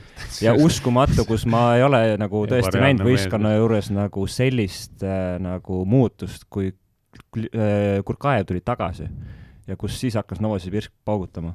Et kas see on siis üks mees tõesti andis nii palju juurde, no ilmselgelt rünnakul ja, ja enesekindlused, värgid-särgid, aga ma ei ole näinud, et üks tempo tagasitulek võib-olla see on juhuste kokkusattumus, aga, aga tõesti, see meeskond hakkas mängima võtme jälle. kuule, aga minu küsimus, Musserski on nüüd mänginud meil ju kahe tuhande kaheksateistkümnendast aastast Jaapani liigas, Suntory Sunbirds on see võistkonna nimi, kas see, et ta Jaapani liigas mängib, ei, ei, ei tähenda, et ta on kehvemaks jäänud? see on müüt, mis jooksis ringi siin aastaid, aastaid, aastaid ja et oh, mis te ikka lähete seda raha taga ajama ja nii edasi, elu on näidanud seda, et võib-olla teatud mängijad kuu aega on natuke hädas seal Euroopa plokiga, kui minnakse ka suurte koondiste juurde tagasi ja, ja peale seda asjad laabuvad jälle, et see ei ole teema, noh. ta läks natuke tülli seal Venemaal ka mm., tal tekkisid mingid mm. väiksed probleemid, et sellepärast ta tahtis ära minna, et. liiga tark mees. jah. selles süsteemis aga ütleme siis Simoni kohta ka ära, et kui see mees ikkagi tänaval vastu tuleb, siis, siis võib juba minna pimedaks anna rahakott ära. see oli, see oli, Selver mängis. Äh, kaks tuhat kaksteist. see oli kõva, kõva vaatepilt, Kalev Kruusiga vaatasime mängu, siis Kalev läks kommenteerima või, või kuidagi me olime seal koos ja, ja siis Kalev ütles, et äh, ta tuli ennem saali tulnud ja siis nägi, kuidas tuli, tuli, tuli sisse Selveri võistkond on ju saali ja siis tuli sisse Simon ja siis Kalev ütles, et no kõigepealt tulid lapsed, siis tuli isa. Väga hea, ühesõnaga Joosepilt väga hea küsimus, meil sai see võistkond kokku, kas me peatreeneri ka paneksime? see on küll keeruline küsimus, aga ei pane, pane, läheme edasi. lumememm ikka nagu ikka. jaa, meil see sobib. no vaatame, tõmbame ikka tüli ka, paneme Haineni sinna punti, siis nalja ka veel saame, noh. väga hea, siis on, siis on vähemalt kindel, et seal on päris hea egode laks seal käib aga Johan Olav küsib meie käest, kas saali- ja rannavõrkpallis esineb kihlve pettusi, kui esineb, siis mis tasemel ja kas saate tegijatele endale on ka sellised pakkumised tehtud, mina ütlen ausalt, minul ei ole keegi mingit pakkumist kunagi teinud Rahvaliigas. kas Rahvaliigas ei, ei, ei, tõesti? Ja ei. see peaks just koht olema, kus äkki saab kiserdada või? oleks võinud sulle teha, et kuule, et võida mäng, ma annan sulle soti ju. no meil on see, me ei oska ei võita ega ka meelega kaotada, et meil võib igatpidi minna valesti, aga kuidas on siis, Rene, sulle on keegi tulnud Poolas näiteks vastu öelnud, et kuule, te täna natuke kehvem mäng ja, ja ma annan sulle nii palju? ei, käsi südamel ei ole jah, et äh, kindlasti see toimib, toimub, et äh, ja, ja ma usun, et ta pigem toimub võib-olla isegi rohkem jah, seal madalamates liigades ja, ja ja, ja võib-olla Euroopas siis, ma ei tea, väljaspool või, või sellistes, ütleme, mitte nii ei no oleme ausad, Eesti ka, Eesti meistriliigas, Grade kakskümmend neli meistriliigas väga ei tehta mingeid panuseid, aga me ikkagi teame, kuidas võrkpalliringkondades esiliiga peale panustatakse päris korralikult. ja see on lubatud kõik ja nii tehakse sest sul on ju info on tihti ju teada, mis sul esiliigas äh... ei no info selles Omal mõttes on loogiline, et sa tead infot, me räägime kihlvepettusest, me ei räägi mm. sellest, et sa tead, mis olukord, kes vigane on ja mitte, et me räägime reaalselt sellest, et sa meelega kaotad, on ju. no ütleme, Eestis on see nüüd küsimus jah, et ütleme, panustatakse esiliigat teatud põhjustel, kuna no aga see selles mõttes on ka tark tegu, et äh, ikkagi kohati on ju iseenesest lihtsam ju, ju, ju panustada liigale, kus tasemed on ikkagi tunduvalt erinevamad, on ju, võib-olla. samamoodi näiteks ma arvan, noorte, ma ei tea, rannavolle, noh. seal on ka ikkagi füüsis on niivõrd Jaa. erinev, et sa soojenduse pealt näed ära, kes võidab juba, on ju, võib-olla ma eksin, aga, aga nii on, ma arvan, noh mm -hmm.. see maailmakarikaetappidel, näiteks rannavoole maailmakarikaetappidel väga paljud mängijad panustavad mängude peale, väga paljud, mitte enda mängu peale ei tohi, on ju aga teiste mängude peale, sest sa tead täpselt, need, see, need kihlveokontorite enamus, kes panevad välja neid koefitsiente, nemad vaatavad puhtalt reitingu järgi, on ju, ega nad seal väga palju midagi ei tea, mul sõber, kes sellega tegeleb, kes uurib asja, tema nagu enam-vähem adekvaatne, teeb, teeb ja küsib minu käest ja küsib teiste käest ka. aga enamus pannakse ikkagi välja nagu asetus üks mängib asetus kolmekümne kahega see tähendab seda, et asetus üks on nii palju tugevam, aga maailmakarika etappidel on ka veel sellised reeglid, mida ei teata umbes, et eh, koduvõistkond pannakse alati kaheksa esimese hulka, ükskõik kui tugev ta siis on, on ju, sealt tekib nagu niisugune vahe. ja siis kohapeal mängijad panustavad väga palju, noh, nad teavad lihtsalt nii palju, neil on mm -hmm. nii palju seda siseinfot ka, aga aga järelikult ikkagi need eh, madalamate liigade poole pealt siis ka need kihlveokontorid peavad ikkagi järelikult nii palju võitma, et nad neid üldse hoiavad. see ongi minu jaoks huvitav, et kas siis Eesti esiliigal on ka kui, selle, seal, seal pannakse, neid pannakse hästi palju igasugustesse kombodesse. sinna ja. otse panustatakse üsna vähe väidetavalt. et kui sa paned mingisuguse kombo seal, ma ei tea, Saksamaa jalgpalli üks mäng la la la la la, sinna visatakse sisse mingit Eesti esiliiga mäng välismaal, noh. jah, välismaalt suvalt ja ma arvan ka, et Ja, eestlasi, ja, kes paneb, ja, on ju ja, võib-olla ja. kindla peale midagi, aga, aga välismaalt pannakse tuimalt ka juurde. minu hinnangul äh, ma olen kuulnud, et kas vist Eestis on päris vähe neid kohti, kus üldse saab Eesti, ütleme, Grade kakskümmend neli meistriliiga ja esiliiga peale ennustada. ma ei tea üldse Jaa. sellest. minu arust enamik ei vist ei paku üldse seda Ei- ei võimalust. paku jah. ei paku jaa, ei paku jah. aga tuleb äh,, ilmselt läheb see nüüd suuremaks, kui, kuna Levira tegi oma selle spordi tv, neti tv, vaata, kus jah. kantakse üle mänge. et ilmselt selle pealt läheb suuremaks, et äh, miks? no siis see, need mängud on nähtavad lihtsalt. Nad on laivis nähtavad sul, muidu oli see, et üks mingi mees telefoniga istus saalis ja toksis seal midagi, onju. aga kui sul on laivis nähtav äh, mäng, siis on lihtsam teha igasuguseid erinevaid panuseid sinna. okei okay., aga, aga ma nüüd räägin äh, oma lood ka lõpuni. Minu minul on tuldud konkreetselt pakutud, et davai. mängijana või treenerina? äh,? mõlemana, et kaotage esimene game. Kristjaniga koos mängisime, et kaotage esimene game ja siis saate nagu mingi X summa. aga see summa oli nii väike, et ma katsusin kuu peale selle mehe, et äh, Läks ta kuu peale? jah, ilmselt küll. aga noh, eks me siis pärast kittusime ära ka, et sihuke asi toimub näitasite näpuga kelle peale või? Jah, konkreetselt jah ja,, sest mina arvan, et see ei ole okei okay.. teine teema, treenerina on ka pakutud. oota, ma küsin, mis see summa oli, mida teile pakuti siis? ei ütle, sest see jääb väike summa. väga väike jah. treenerina on pakutud äh, samamoodi, näitasin kohe kätte, mis mees oli Hmm. ja noorte rannavolles äh, on see probleem olnud pikalt ja mingi hetk ei hakatud enam noorte rannavolles ei saanud panustada näiteks selle peale, et kes saab esimesed kaheksa punkti või kes saab Mhm. esimesed, ma ei tea, mitu luges ainult mängu võitja, jah? luges ainult mängu võit ja, ja, ja sinna pandi päris karmid piirangud peale, sest eh, noh, mina tean konkreetselt mängijaid, kes mängisidki noorteturniiridel niimoodi, et eh, nad olid nii palju tugevamad, nagu Rene ütles, füüsiliselt juba nii palju ette kasvanud, on ju. ja siis eh, üks, üks mängija oli näiteks praegu väga kuradi tipptasemel saali võrkpalli mängiv mees. Et eh, ne, nemad ne, oma sõpradele ütlesid, et me Mhm. teeme nii, on ju et esimesed kaheksa punkti kaotame pikk suure vahega. Ja neljateistkümne peal, kus oli nagu järgmine panus, võidame meie, siis me kahekümne või seal kaheksateistkümne peal kaotame napilt ja game'i võidame ära rahulikult. Ja nii läkski noh, jonksutasid ja, ja sõbrad nagu treenisid ja, või siis, et davai, et me anname selle game'i ära, meie koefitsient nagu, või tähendab vastaste koefitsient läheb ülesse. Ja, ja siis äh, Hakkame meie võidame, tiksutati pärast kõvasti. oled sa näinud väljakul ka sellist mängu, kus Jah. sa, ja, ja mitu korda jah. kuidas see, on see naljakas või nad mängivad nii meisterlikult selle välja, et ei saa arugi? noored ei mängi, noored ei mängi. lihtsalt löövad out'i ja- jah, lihtsalt nagu tuimalt, aga ma olen näinud nagu sel-, selles suhtes äh, kokkuleppe, show-mängudes kokkuleppemänge rannavõrkpallis, mitte selles suhtes, mis, need ei loe midagi, on ju, need on Ahah, show-mängud, aga meelega mängitakse nagu kaks-üks. seda ma olen näinud ja, ja, ja head mängijad mängivad no nii kuradi hästi, noh. Nad mängivad nii hästi neid mänge, et tavaliselt vaatajal neil ei olegi, nad ei saagi aru. koksud on mingi kaks senti out'i ja tunne on nii hea, vaata kätte mängitaksegi rahulikult. Läheme edasi, kuna küsimusi on tõesti palju. Karli Saksamaalt Königs Wusterhausenist küsib, me ei oska oletada, kellega võib tegu olla, aga küsime siis, küsimus on järgmine. oletame, et mängite koos ühes võistkonnas võrkpalliklubi Kuldne Game. Ats Toobal, pallivõlur AK sidemängija, Vessa plokihunt AK tempomees, Renks punktikahur AK diagonaal, Karinaldo vastuvõtusuunitlusega nurgamees ja jutumees muidumees, see vastuvõtusuunitlus on juba, juba selge liiotlus, seda suunitlust seal ei ole. kelle võtaksite enda tiimi teiseks tempomeheks, teiseks ründavaks nurgameheks? selline küsimus meile. ja kes oleks siis ka libero meie tiimis ja paluks ka põhjendada iga no nurgaründaja on selge ju, punktikahur eh, Karli tuleb ise ju, kakskümmend üheksa sanga viimane mäng, millest me räägime noh. eks võib-olla see küsimus oli ka sinna suunatud No ilmselgelt. aga väga hea, aga ma just ütlen talle, et kuna mina olen see kaitsev äh, nurgamees, et siis ta peab ikkagi katma ka mind ära no, koos liberoga. on ikkagi vaja.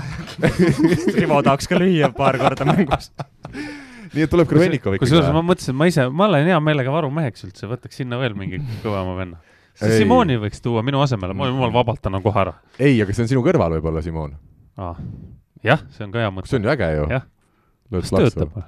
muidugi. ja ühesõnaga Krebenikov ikkagi läheb liberoks, kui meil on äkki võimalus siin ikkagi ei ole kedagi temast ei pruugi piisata, kui sina saad. ma olen rääkinud ühes saates, kuidas oleneb, kelle vastu me mängime. minu elu esimene saalivõrkpallimäng, ma olin kaks korda servi vastuvõtul eksinud Rahvaliigas ja kolmanda servi all läksin väljaku kõrvale seisma ja kohtunik vilistas punkti vastastele, ütles, ütles, et sa pead olema väljakul. aga selliste meestega me siin koos istume. rumalus on, mis seda häbeneda. nüüd tead. ma olen targemaks saanud, kui oled nii rumal nagu mina, siis on vähemalt kerge on areneda. Nii li-, meil on, ma ütlen, Selveri mehed on laua all praegu. aga korras võistkond koos, väga hea võistkond. nii et Grebennikov tuli meile liberoks, Simon tuli meile tempoks ja teine nurgamees on siis Karli Allik viimase nädala põhjal me anname Karlile võimaluse selles suurepärases võistkonnas mängida ja tõesti tegeleda mitte ainult rünnakuga, vaid ka väga palju koos Grebennikoviga vastuvõtul siis. hästi tõstis enda saba ise. ei, no tegelikult ma ei tea seda, võib-olla see küsimus oli enne saadetud meile. ma tegin ka niisama. igatahes Karlit tervitame ja ütle, ta ütleb siis siin veel juurde, et äh, vahe, varumehi vaja ei ole, kuna liigas on kokku kolm võistkonda, Kuldne Keim, Kurru-Nurru Vutisaared ja Hiiumaa. ja mängitakse vaid korra läbi, seega medal peaks olema garanteeritud äh, ja peatreeneri jaoks ei ole raha, nii et me peame ise valima välja, kes meist on ikkagi mängiv treener, mängiv coach. Meil on üks Oh, oh, oh. kaks coach'i vaba on Jah,, kurat. üks teeb ole, ole, pabereid. ei ole, üks, üks on paberid Sul ei ole paberit rõvas, või? Aits on treener. kes sa ei oled ole, minul ei ole pabereid. ei ole või ka? ei ole ei või? ole, muidugi ei siis ole. meil ei mina ole olen mängija, mis asja, noh. kuule, aga helistame kiiresti sinna Grebenikovile või Simonile, küsime, äkki neil on paberid. oota, aga Rene, te ei saanud Audentases mingit äh, kolmanda kategooria paberit või? kuule, kaua see kestab? saite, eks ole? no siis ränk see on, noh. nii et Tal Rene vähemalt on olnud. Neli aastat või? aa, siis on, Aga tal on vähemalt olnud. peab uuendama. no ma jõuan. nojah, sul on vähemalt kogemus. sul on kogemus Mhm., vähemalt saab öelda, et sa oled teinud midagi selle jaoks, et treeneriks saada. Sina siis saad erinevalt Rivost ja Andrest, kes no põhimõtteliselt ei ole ju mitte midagi elus selle nimel teinud, et üldse. ei, ei ole, ei. Rene on treener. aga tegelikult Rene on hea treener ka, sest tema näiteks siin saates ainus, kes, kui mulle ütleb ikkagi aitab või et lähme edasi, siis ma panengi suu kinni ja me läheme alati edasi. et ma arvan, et selline mees peatreeneriks sobib väga hästi aitab. nii, aga mehed on jälle laua all äh, ja meie läheme neljanda küsimuse juurde. Ja siin tuleb siis küsimus, kuna te olete ka suured muusikaustajad, noh, see on siis eeldus, et kui saadet teed, siis oled ilmselt ka muusikaaustaja, siis ühel Eesti bändil on võrkpalliga rohkem ühist, kui oskaks arvata. kahe muusiku nimed seal ühtivad kahe Eesti võrkpallitegelase omaga. bändi üks asutaja on äh, nii eesnimelt kui ka perekonnanimelt identne ühe endise Viljandi võrkpallitreeneriga ja teine mees on hetkel koosseisus basskitarri mängiv mees, kelle perekonnanimi kattub ühe endise Pärnust pärit võrkpalluriga, kes võitis kaks tuhat viis, kaks tuhat kuus Mevsa kapi. mis bändiga on tegu ja milliste võrkpallitegelaste nimekaimud need mehed on? kohe vist ei tule kellelgi siin, minul ka ei tulnud kohe mingit äh, mõtet, paneme siis vihje ka. kui liiga raskeks läheb teistel arvamine, siis võib vihjeks anda, et esimese mehe nimekaim oli Viljandis naistetreener ja on ka viiel korral koondise juures olnud. ja teine mees Pärnust on umbes äh, sajas erinevas klubis mänginud. ja siin on sulgudes ilmselge liialdus. No see teise mehe võiks nüüd välja mõelda, Pärnus, kes Nõmmik on just, Jaanus Nõmsalu. ja ütlen siis ära ka, et see mees, kes siis seal bändis on, on Anti Nõmsalu. nii, aga nüüd teine mees, kes siis on, vastand ühesõnaga või?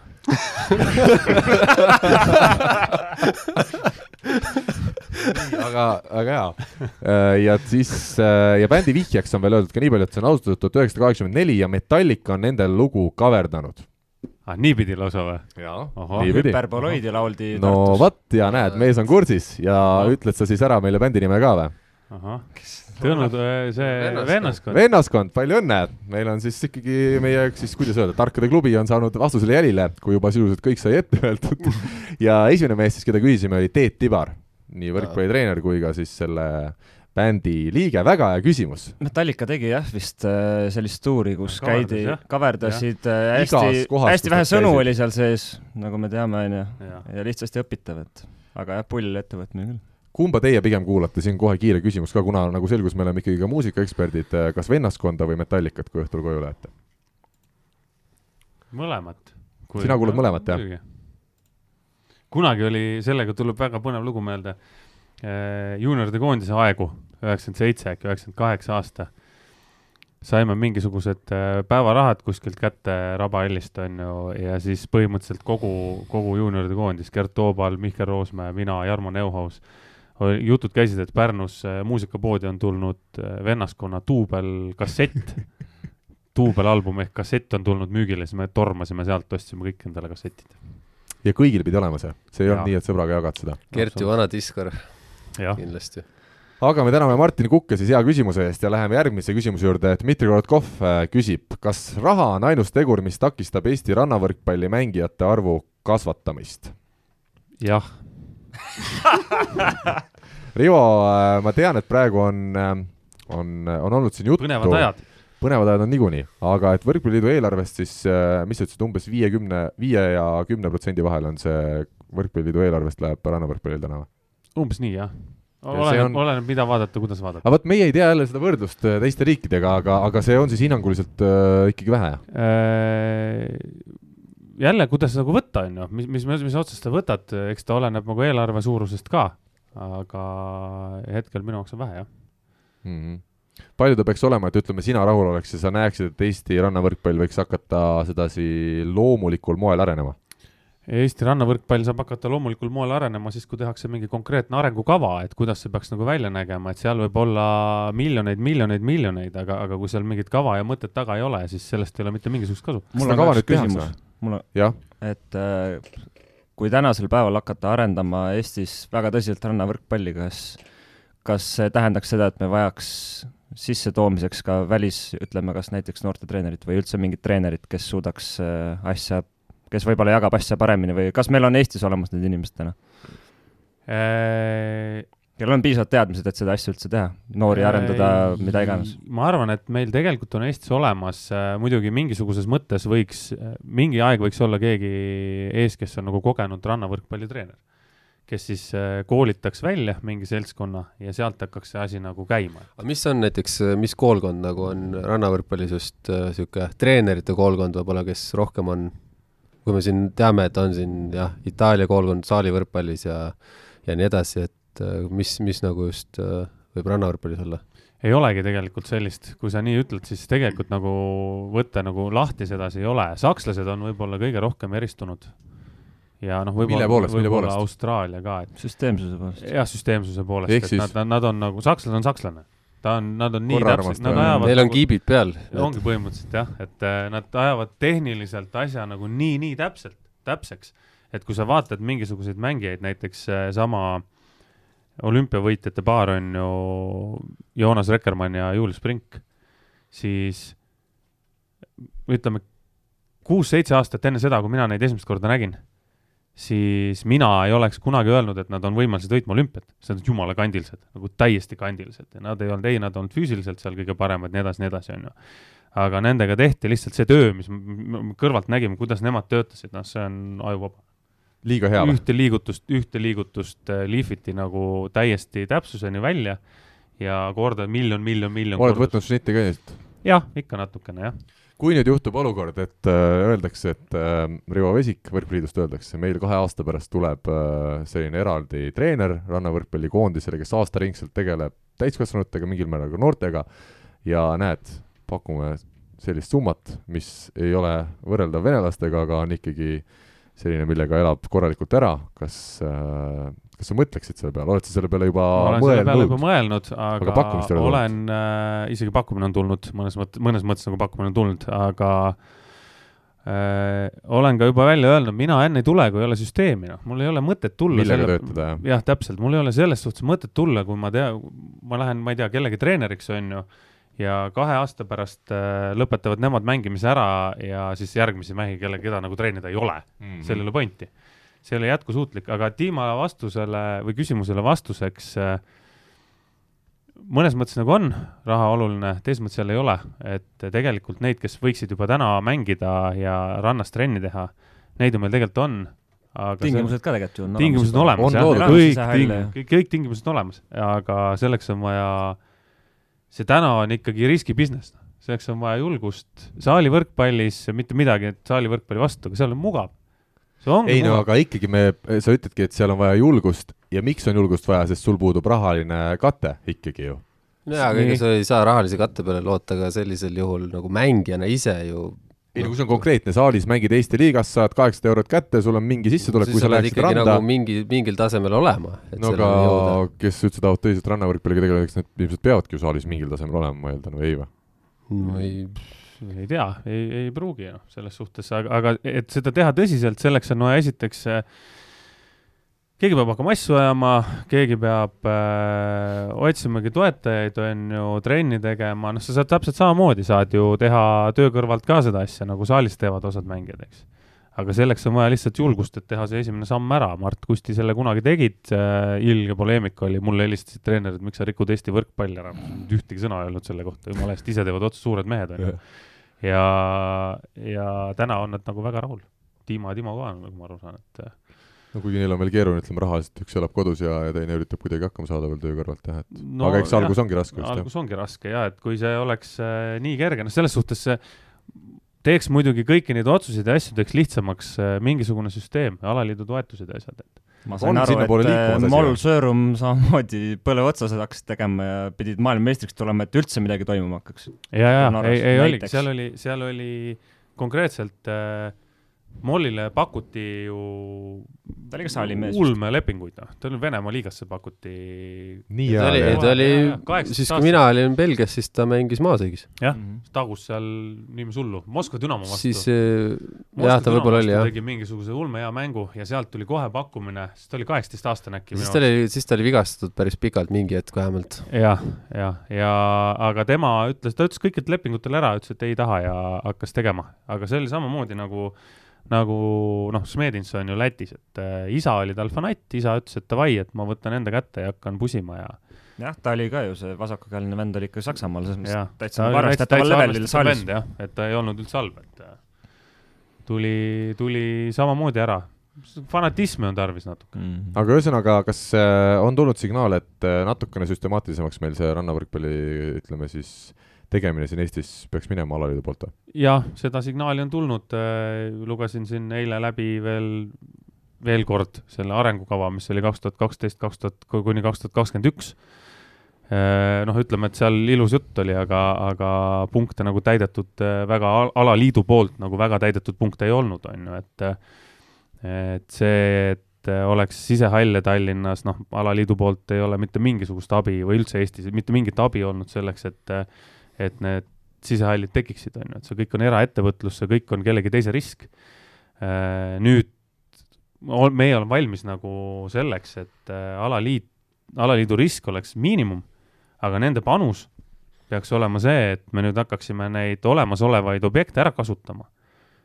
ongi noortetrennid aastaringselt mingid inimesed tegema mingist hetkest, on ju, ja, ja, ja sealt võib nagu tulla tulemusi, et praegu minu jaoks kõige naljakam on, on kogu see noorte rannavõrkpallikoondise teema on see, et noh, me sinuga arutasime, Karl, seda, eks.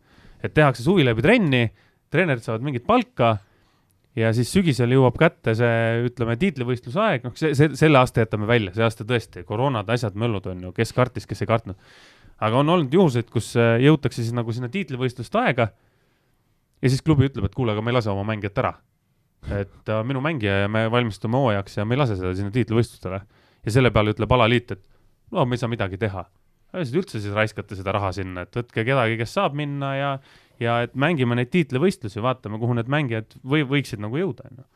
et see pool on ka, et sealt, seal nagu parandamist on, noh, alaliit, ma loodan, et nad, nad lähevad nagu natuke paremaks. aga miks ma olen siin, noh, Rivo on meil selgelt äh, kallutatud selle rannavalle poole, aga miks ma olen ka selle ideega ikkagi nõus, et Eestis tuleb seda rannavõrkpalli arendada, sest meil on täna väga palju korralikul tasemel võrkpallureid ja ma usun, et meil jaguks ikkagi vähemalt ühe paari jagu ka nii-öelda tulevikus mehi või tasemel mehi, kes võiksidki olümpiamängudel võidelda medali eest. ja miks mitte naisi? ja naisi samamoodi, absoluutselt, absoluutselt, et see, see ei ole selline konkureeriv ala, kus sul on seitse, seitse inimest vaja võistkonda, et, et kui me räägime siin kahest inimesest, keda meil siis oleks vaja, et see, et see ala kerkiks ikkagi väga kõrgele tasemele, et siis oleks see natukene ohverdada saali poolt võib-olla.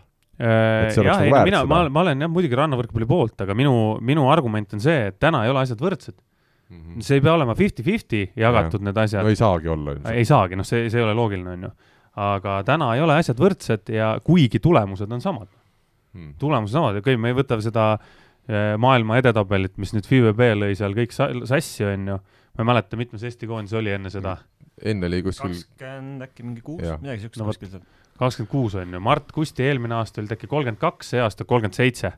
et see vahe ju tegelikult ei ole, seal ei ole mingit vahet, MM, EM-i tulemused on samad, saalikoondis võitis ka kuldliiga või mis oli kuldliiga on ju mm., mitu korda? Mart Kusti võitis maailmakarika etapi on ju, või tulid teiseks seal kuskil ja võitsid mingisuguseid etappe ka, et et vaadates neid tulemusi ja kuidas jagatakse nagu ressursse, see ei klapi, see minu jaoks ei klapi mm.. mul ei ole saali võrkpalli vastu absoluutselt mitte midagi ja nagu ütleb alaliit ka, et noh, lõppkokkuvõttes on ju kõik on ju võrkpallile kasulik siis võtke seda rannavõrkpalli sama seisuga, et see on ju saalivõrkpallile kasulik on ju, et kui me saame paari, kes läheb olümpiale, kui me saame paari, kes on EM-il, võib võita medaleid, see on kõik kogu võrkpallile kasulik. Absoluutselt nõus ja, ja, ja selle mõttega me läheme edasi järgmise küsimuse juurde. Hannes küsib, tere lugupeetavad, tere Hannes kuna lahkelt lubasite, et ka kõige spordikaugemate võrkpallisõprade küsimused on oodatud, siis võtan julguse kokku ja küsin ka. nimelt jäi laupäeval Postimehe kaudu Pärnu võrkpalliklubi ja Selveri mängu jälgides kõrva kommentaatori korduvalt kasutatud väljend kombinatsioon vahe ma ei olnud varem sellest midagi kuulnud, üritasin mängu jälgides aru saada, mida ta sellega mõtles, aga jäin jänni. palun, kas seletaksite selle asjatundmatule lahti?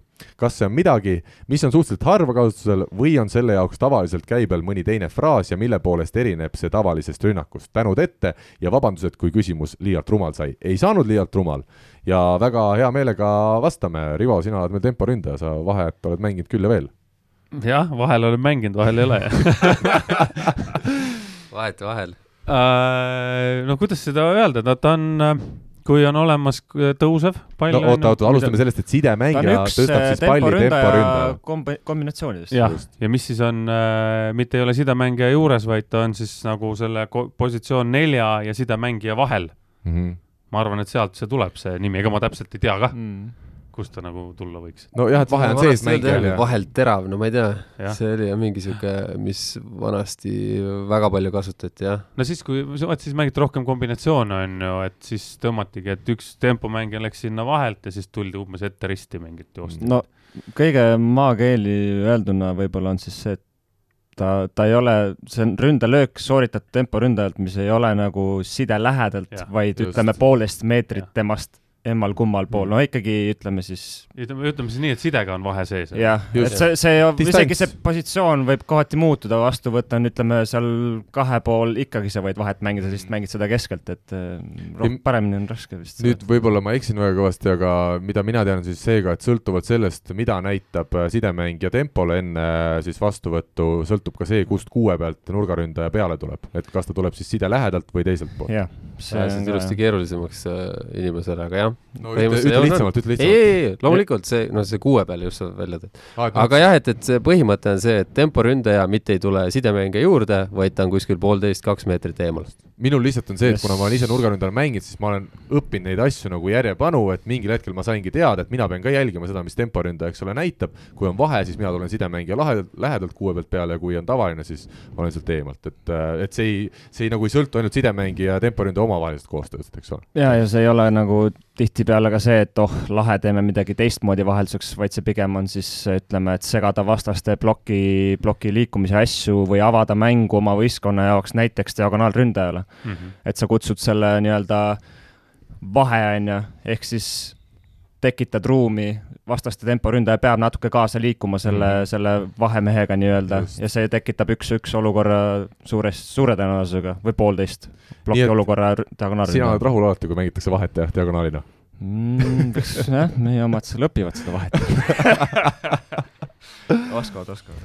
Läheme edasi, meie, meie, meie armas kuulaja Aare Alba on saatnud meile kaks huvitavat kirja siin viimastel nädalatel ja küsimused siis võtan välja siit. mitu ruutu on võrkpallivõrgul ja ma ütlen ausalt, et Aare, ma isegi ei hakanud seda uurima, sest oleneb ka vist, et selles mõttes, et osadel on, võrgud on erinevad, osad on need äh, nii-öelda tavalised, mida kogu aeg kasutatakse, aga on ju päris tihti ka sellised äh, hästi väikse silmaga siis võrke, kus siis üritatakse ka reklaame peale ja üha rohkem, sest see ongi ka osa reklaamist tänapäeval, ütleme Poola liigas, kui ma ei eksi, on iga võrk, võrgu peal on siis koha nimi, kus parasjagu mängitakse. kas see on siis Trossi ei, ei võrgu Ei, peal, võrgu võrgu, peal. võrgu peal, Võrgu- noh. samasugune, samasugused võrgud nagu on terases, vaata, väikse silmaga hästi, mängijana hästi häiris, kui need tulid, me kõik olime harjunud ju noortest peale nende suurte ruutudega, kust peaaegu pall mahub vahelt läbi ja siis tulid need, ütleme need täis tikitud võrgud, no ikkagi häiris, noh. Ei näinud, mis toimub teispool, noh. ruudu suurus peaks olema tegelikult kümme, kümme senti. Tegelikult nagu selle Tegelikult kla- kümme, jah, klassikalise jah, oma peaks olema kümme, kümme senti. et nüüd selle saab põhimõtteliselt välja arvutada. minu arust selle võrgu pikkus on äh, äkki üksteist meetrit, siis ta on natukene pikem kui väljaku Mhm. mm -hmm. onju. kümme või üksteist meetrit on võrgu pikkus, et siis selle saaks idee järgi välja. kõrge? mis mõttes kõrge äh,? Meeter peaks olema see isegi ei ole väga raske, telefoni peal teeks ära selle. kümme, jah, peaks olema meeter, jah. Aga mingi hetk ju, ma ei tea, kas saalis olid, olid küll need äh, LED-võrgud ka ju. kusjuures see oli are-, arendus, mida taheti teha Jah. igal pool, et Jah. paneme selle reklaami veel le- helendama ka, no aga Ja, see ja. on natuke liiga raju, ma kardan. Äh, oli äh,, rannavõrkpallis prooviti seda, see Mm. oli nii ajuvaba, et seal Mm. oli äh, trossist minevad pallid hakkasid taha pauti põrkama, sest see võrk oli nii raske Mm. ja ta ei liikunud enam nagu normaalne võrk, sest selle pidi tõmbama nii jõhkralt pingule, et ülesse saada. Et meeste võrgust naiste võrgule võrgu vahetamine võttis aega mingi tund umbes, kuuekesi tehti, möllasid seal. kuule, aga mina vahepeal tegin peast selle arvutuse ära, siis tuhat äh, auku peaks olema võrgus kui on siis kümme, kümme meetrit ja meeter kõrge, pluss-miinus sada, jah. jah. nii, aga Aarelt on teinegi küsimus ja ta ütleb, et äh, läbi aegade kuulsaim jalgpallur on Pele ilmselt, kuulsam korvpallur peaks olema Michael Jordan ja siis ta ütleb veel juurde, et kuigi talle meeldis Dikembe Mutombo, kes siis sõrmega vibutas, kui ta kellelegi ploki pani. Chiba. oota, oota, lähme kuul-, oota, kuulame nüüd ära selle, mida Aare meile ütles, siis ta ütles, et äh, kui keegi mo- moodustaks ülemaailmse komisjoni, kus siis kõik tõed saaks selgeks, siis tema paneks sinna Peep Pahvi. no ei, mina ei paneks Peepu, kuigi Peep on tore mees. aga, ja nüüd ta siis jätkab oma kirjaga ja lõpuks jõuab siis, noh, ta tahtis natuke ka ilmselt seda rääkida, et äh, alati ei ole mitte kõige kuulsam see, kes on kõige parem, vaid noh, et muud asjad on ka juures. Chiba. No nii, ja nüüd me tuleme küsimuse juurde veel kindlamalt tuli see praegu mul. kes on siis jah, kõige kuulsam võrkpallur maailmas läbi aegade ja kes on Eestis? no ikkagi Chiba on. juba jah. Aga see on eestlastest kõige kuulsam? no tema pakkus siin äh, ikkagi, küsis, et kas Viljar Loor peaks olema eestlastest. ma tahaks natuke lõpetada Chiba juttu veel ka selles ja. mõttes, et jah, ta ju oli ulmetehniline ja selle juures ka üsna füüsiline oma mitte kõige suurema pikkuse juures.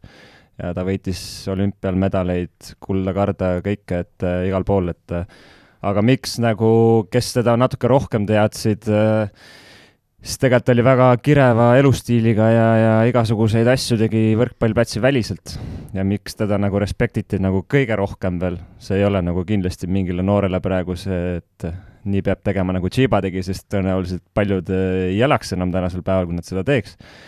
et aga mille juures ta seda kõik saavutas, teades, mida ta platsi väliselt nagu tegi, et see mis ta tegi siis? no ütleme, et alkohol ei olnud kõige kangem asi, mis kerre läks ja, ja, ja noh, jah, see ikka, seal ikkagi koondise perioodi ajal, kui dopinguproovid olid vähe rätsimad vist, siis ikkagi võõrutused ja ikka noh, see mees tuli läbi tule ja vee ja, ja täna on ta, eks ole. ja täna ta on maksupettustega kuskil jah.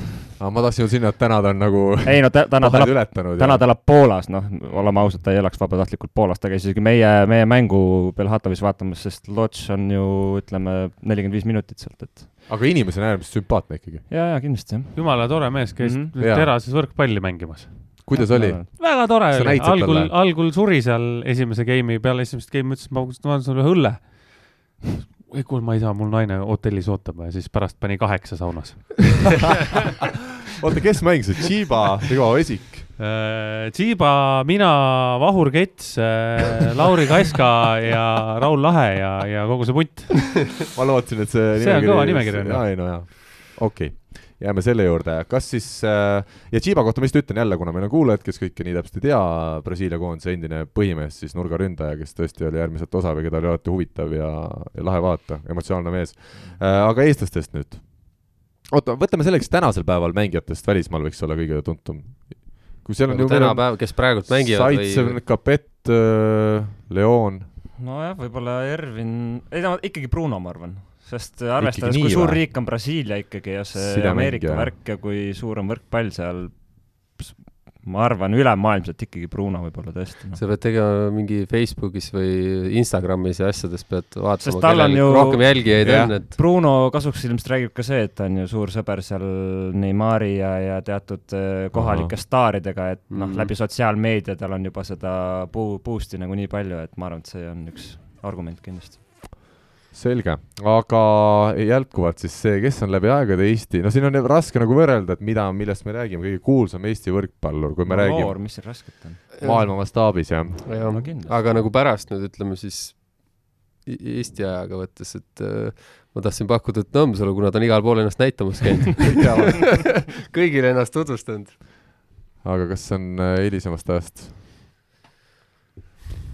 jah, ei raske, ei me selles mõttes, Loor kindlasti oli sealt nagu vanemast ajast, nüüd on nagu Mhm. ja siis, ma ei tea jah, kui siin hiljutist võtta, no kui arvestada lihtsalt seda staapi, siis keegi, kes Poolas ilmselt mänginud on võib-olla noh, sest tõesti, ütleme Itaalias on ka see võrkpall nagu äge asi, aga see on ikkagi väga selgelt võ- võrgu ja, ja, ja kos-, või tähendab jalgpalli ja kossu nagu varjus, et et Poolas ilmselgelt sa oled suurem staar nii-öelda mängija, nagu sa oled Itaalias, noh. ja Venemaa puhul ma ei oska öelda, kui väga seal võrkpallist nagu teatakse aga. tänaval said sina käia rahulikult Mm, ma äh, räägin. nii ja naa, seal on Noh. hoki ja jalgpall, noh. no lihtsalt võtad, et see, ütleme, Poola on nelikümmend miljonit või palju ta on, onju.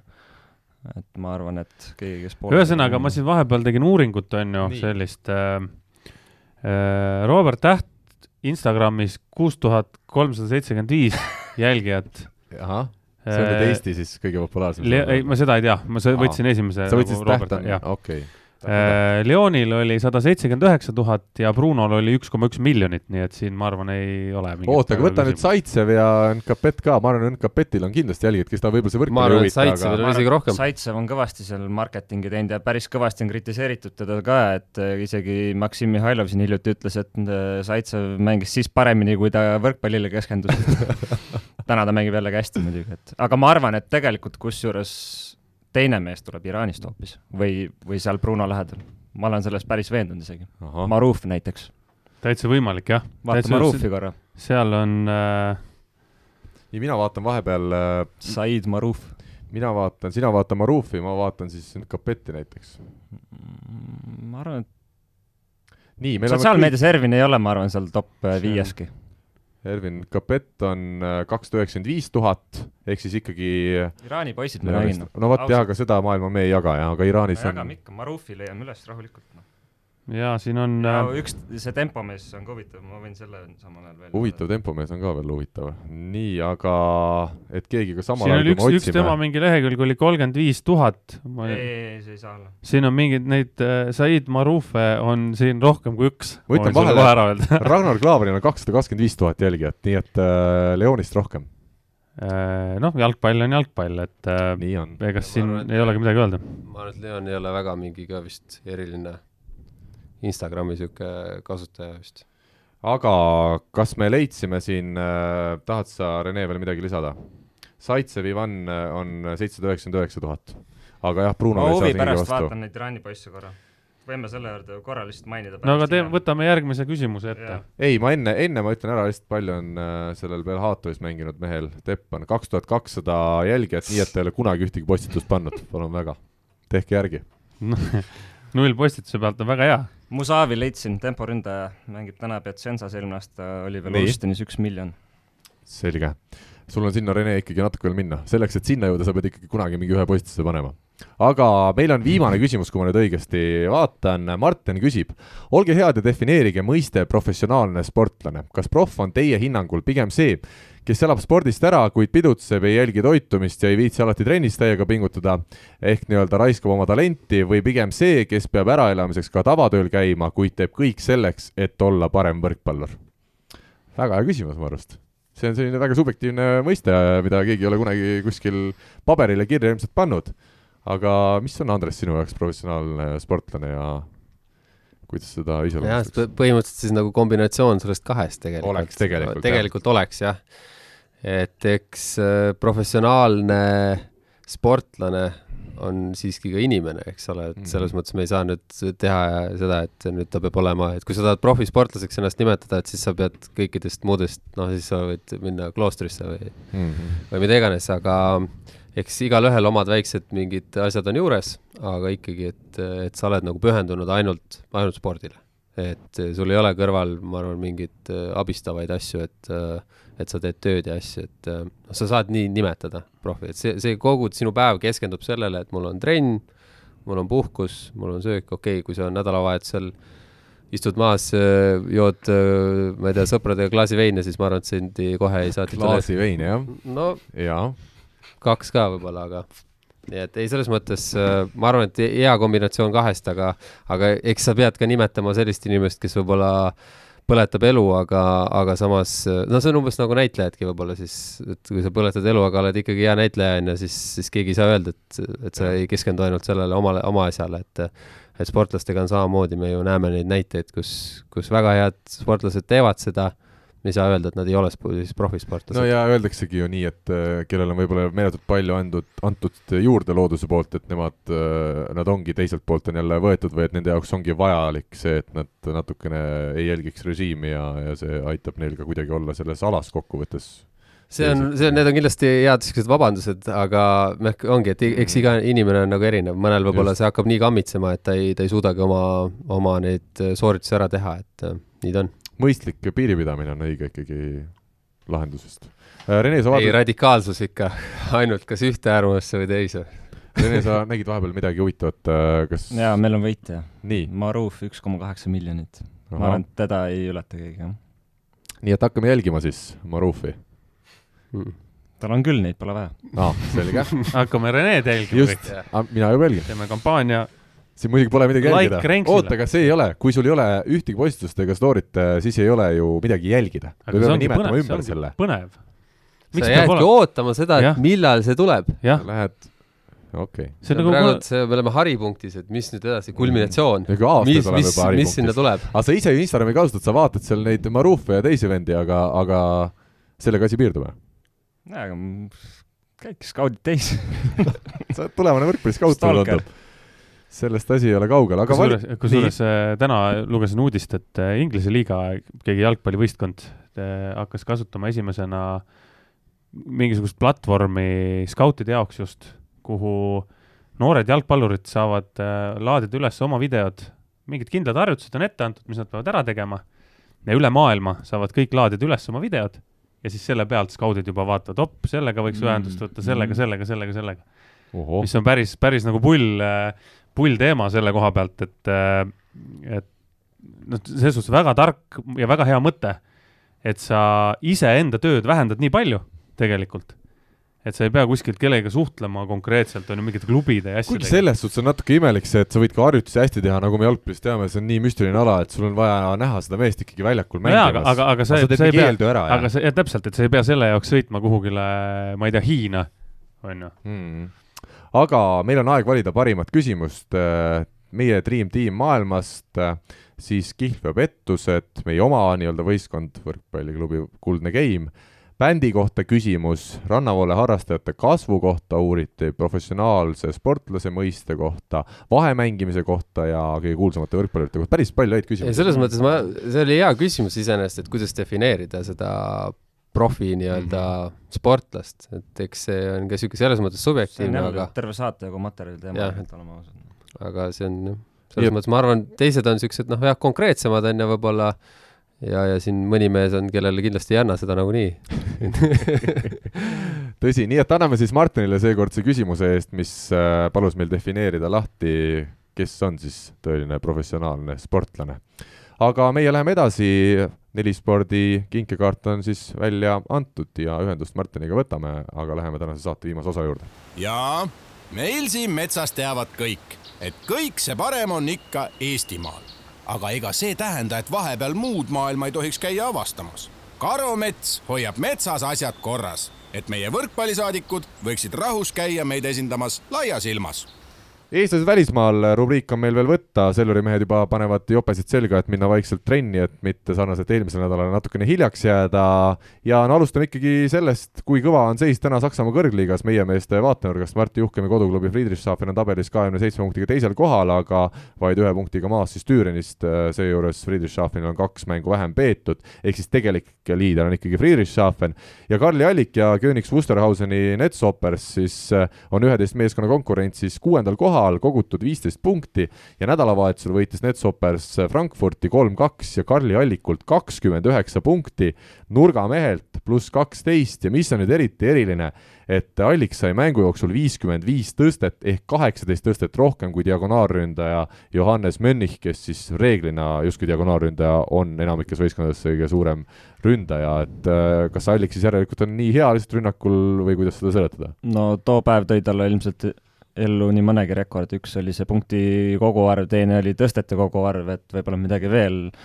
Aga no kui sa vaatad, ma ütlen ausalt, mängu ei näinud, aga kui sa vaatad seda statistikat järgi, siis noh, põhimõtteliselt tegelikult saad aru ka, miks, miks see võib-olla nii läks, on ju, okei okay,, ütleme pikk mäng, viis game'i nagunii, aga kui ma ei eksi, siis minu arust diagonaal ja teine nurk istusid seal kuskil kolmekümne midagi protsendi kandis, et et pluss vead, et, et oli vaja ilmselgelt kedagi, kes, kes nii-öelda punkte teeks, et ega eks Karli tegi ka palju vigu, aga noh, ilmselgelt äh, ilmselgelt ta sai ka palju tööd ja endale harjumuspäratult võib-olla palju tööd, mingi periood võib-olla tal siis, ma ei tea, jooksis kokku või, või, või noh, oligi, ta tundis, et ta peab olema see mees, kes kõik pallid ära lööb, et võttis teatud riske selles mängus, ma, ma ei tea ausalt, aga aga no võistkond ju võitis ja selles mõttes vägev, et, et ma, mulle tundub, et neil on niisugune hea, hea kokkuhoidev punt, kellega selles mõttes on, ollakse valmis noh, heas mõttes läbi seina minema ja, ja kui vastane, mis tahes vastane, siis tuleb natukene alahindama, siis nad on siin karistanud ju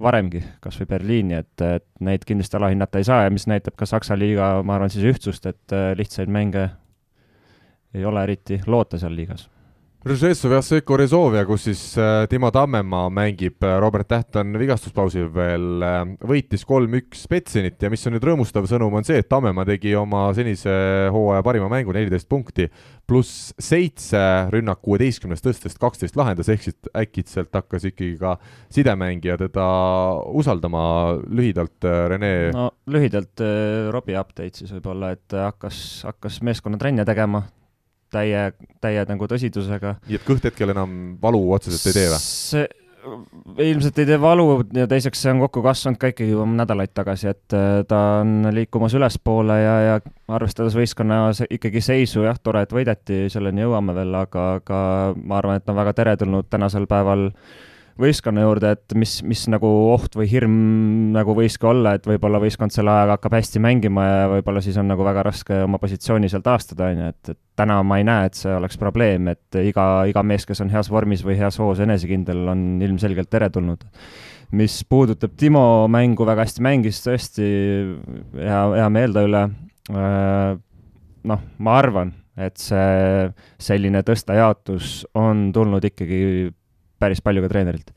Neil on äh, ikkagi, on ikkagi, ütleme, see ründekolmik, ütleme, nurgamehed, diagonaal, noh, Karol Putrin diagonaalina ma ütleks, on kõige stabiilsemalt oma asjad ära teinud, samas nurgaründajad siiamaani on äh, kõvasti üles-alla käinud ja, ja ma arvan, et see oli äh, suunitlus, kus Timo lihtsalt oli vastaste temporündest nii palju üle ja see oli, ütleme, eesmärk, et igast, igast võimalikust asendist Timole visata, sest noh, me teame kõik, et Fabian Siska sidemängija ei ole väga fänn keskele tõstma ja ma kujutan ette, et mingil hetkel või noh, üleüldiselt Timo võib ka natukene selline närvis olla selle olukorra peale, ma tõesti ei tea, aga ma arvan et äh, selles mõttes ma arvan, väga loogiline, et nii tehti, sest Timo on võimeline ründama ja ilmselgelt on parem mängija, kui ta saab äh, rohkem rünnakul tööd, siis hakkab ka tulema plokis, hakkab tulema servil, et äh, klassika.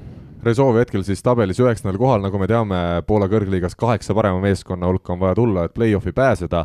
Neil on siis üheksandana kogutud äh, kakskümmend neli punkti, aga ütleme, kuuendast võistkonnast näiteks äh, lahutab neid vaid kaks silma, neil on kaks mängu võrreldes sellesama äh, Suvalkis Lepskiga veel varu ja, ja teiste meeskondadega ka natuke seda varu, et loodetavasti sinna kaheksa parema hulka jõua, õnnestub jõuda. meie läheme kiirelt edasi võtame Taavi Nõmmistu ja Kevin Saare duelli Küprose liigas ikkagi kaks Eesti meest vastamisi ja see, kui kindlalt Nõmmistu koduklubi Famagusta Nea Salam, Salamis võitis äh, Saare koduklubi Nicosia Apoelli, oli päris üllatav, kolm-null ja, seal game'id äh, kohati väga-väga selgelt Nõmmistult siis kakskümmend viis punkti pluss kakskümmend, rünnak seitsekümmend üks protsenti ja Saar piirdus siis kuue punktiga, miinus kuus ja rünnakuprotsent vaid kakskümmend kuus, nii et kui Saart oleme siin kiitnud äh, Küprose liigas, siis siis see mäng läks küll ühele poole ja mis siis selgus, et äh, muuhulgas, et Saare meeskonna sidemängija Janis Jansons, lätlane, oli kaks nädalat käinud kodumaal puhkamas ja tundub, et klappi ründajatega pärast seda pausi ei olnud.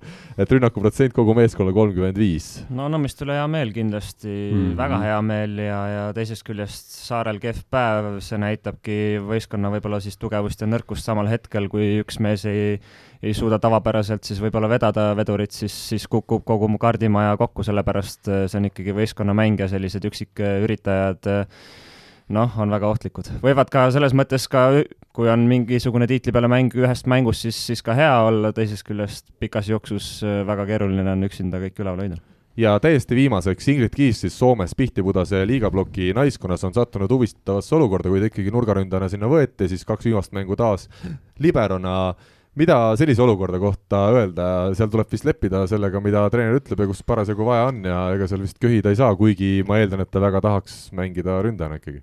Noh, ma ei tea, kas sa oled ise tegelikult intervjuud võtnud ka, et ma nüüd ei ole ka nagu, ei ole suhtlust käinud otseselt, aga et kas, kas on nagu tervisega ka muresid, et see on kindlasti üks, üks probleemidest, aga aga ei, ega kui sa oled välismaal, ega siis sind kasutatakse täpselt sellises positsioonis, kus treener näeb sind ja ja nii on, ega ja tuleb ole... siis lihtsalt endale sisendada ka seda, et äh, üritan ennast tänu sellele liberapositsioonile kaitses paremaks teha ja nii need asjad käivad jah, et ega muud moodi ei ole. no kuniks sa platsi peal oled, siis kõige hullemast ikkagi ei ole, on ju. Selge. aga mehed, saade on lõppenud, Selveri mehed äh, tormavad juba trenni, kohtume uuesti nädala pärast, äh, olge tublid ja, ja vaadake ikka võrkpalli. head aega! Eesti kõige põnevamad podcastid on Delfis, kuula tasku.delfi.ee Mikk-Mikk. ega edu pole jänes, mis seest ära jookseb, ärid on edukad Hammerheadi majades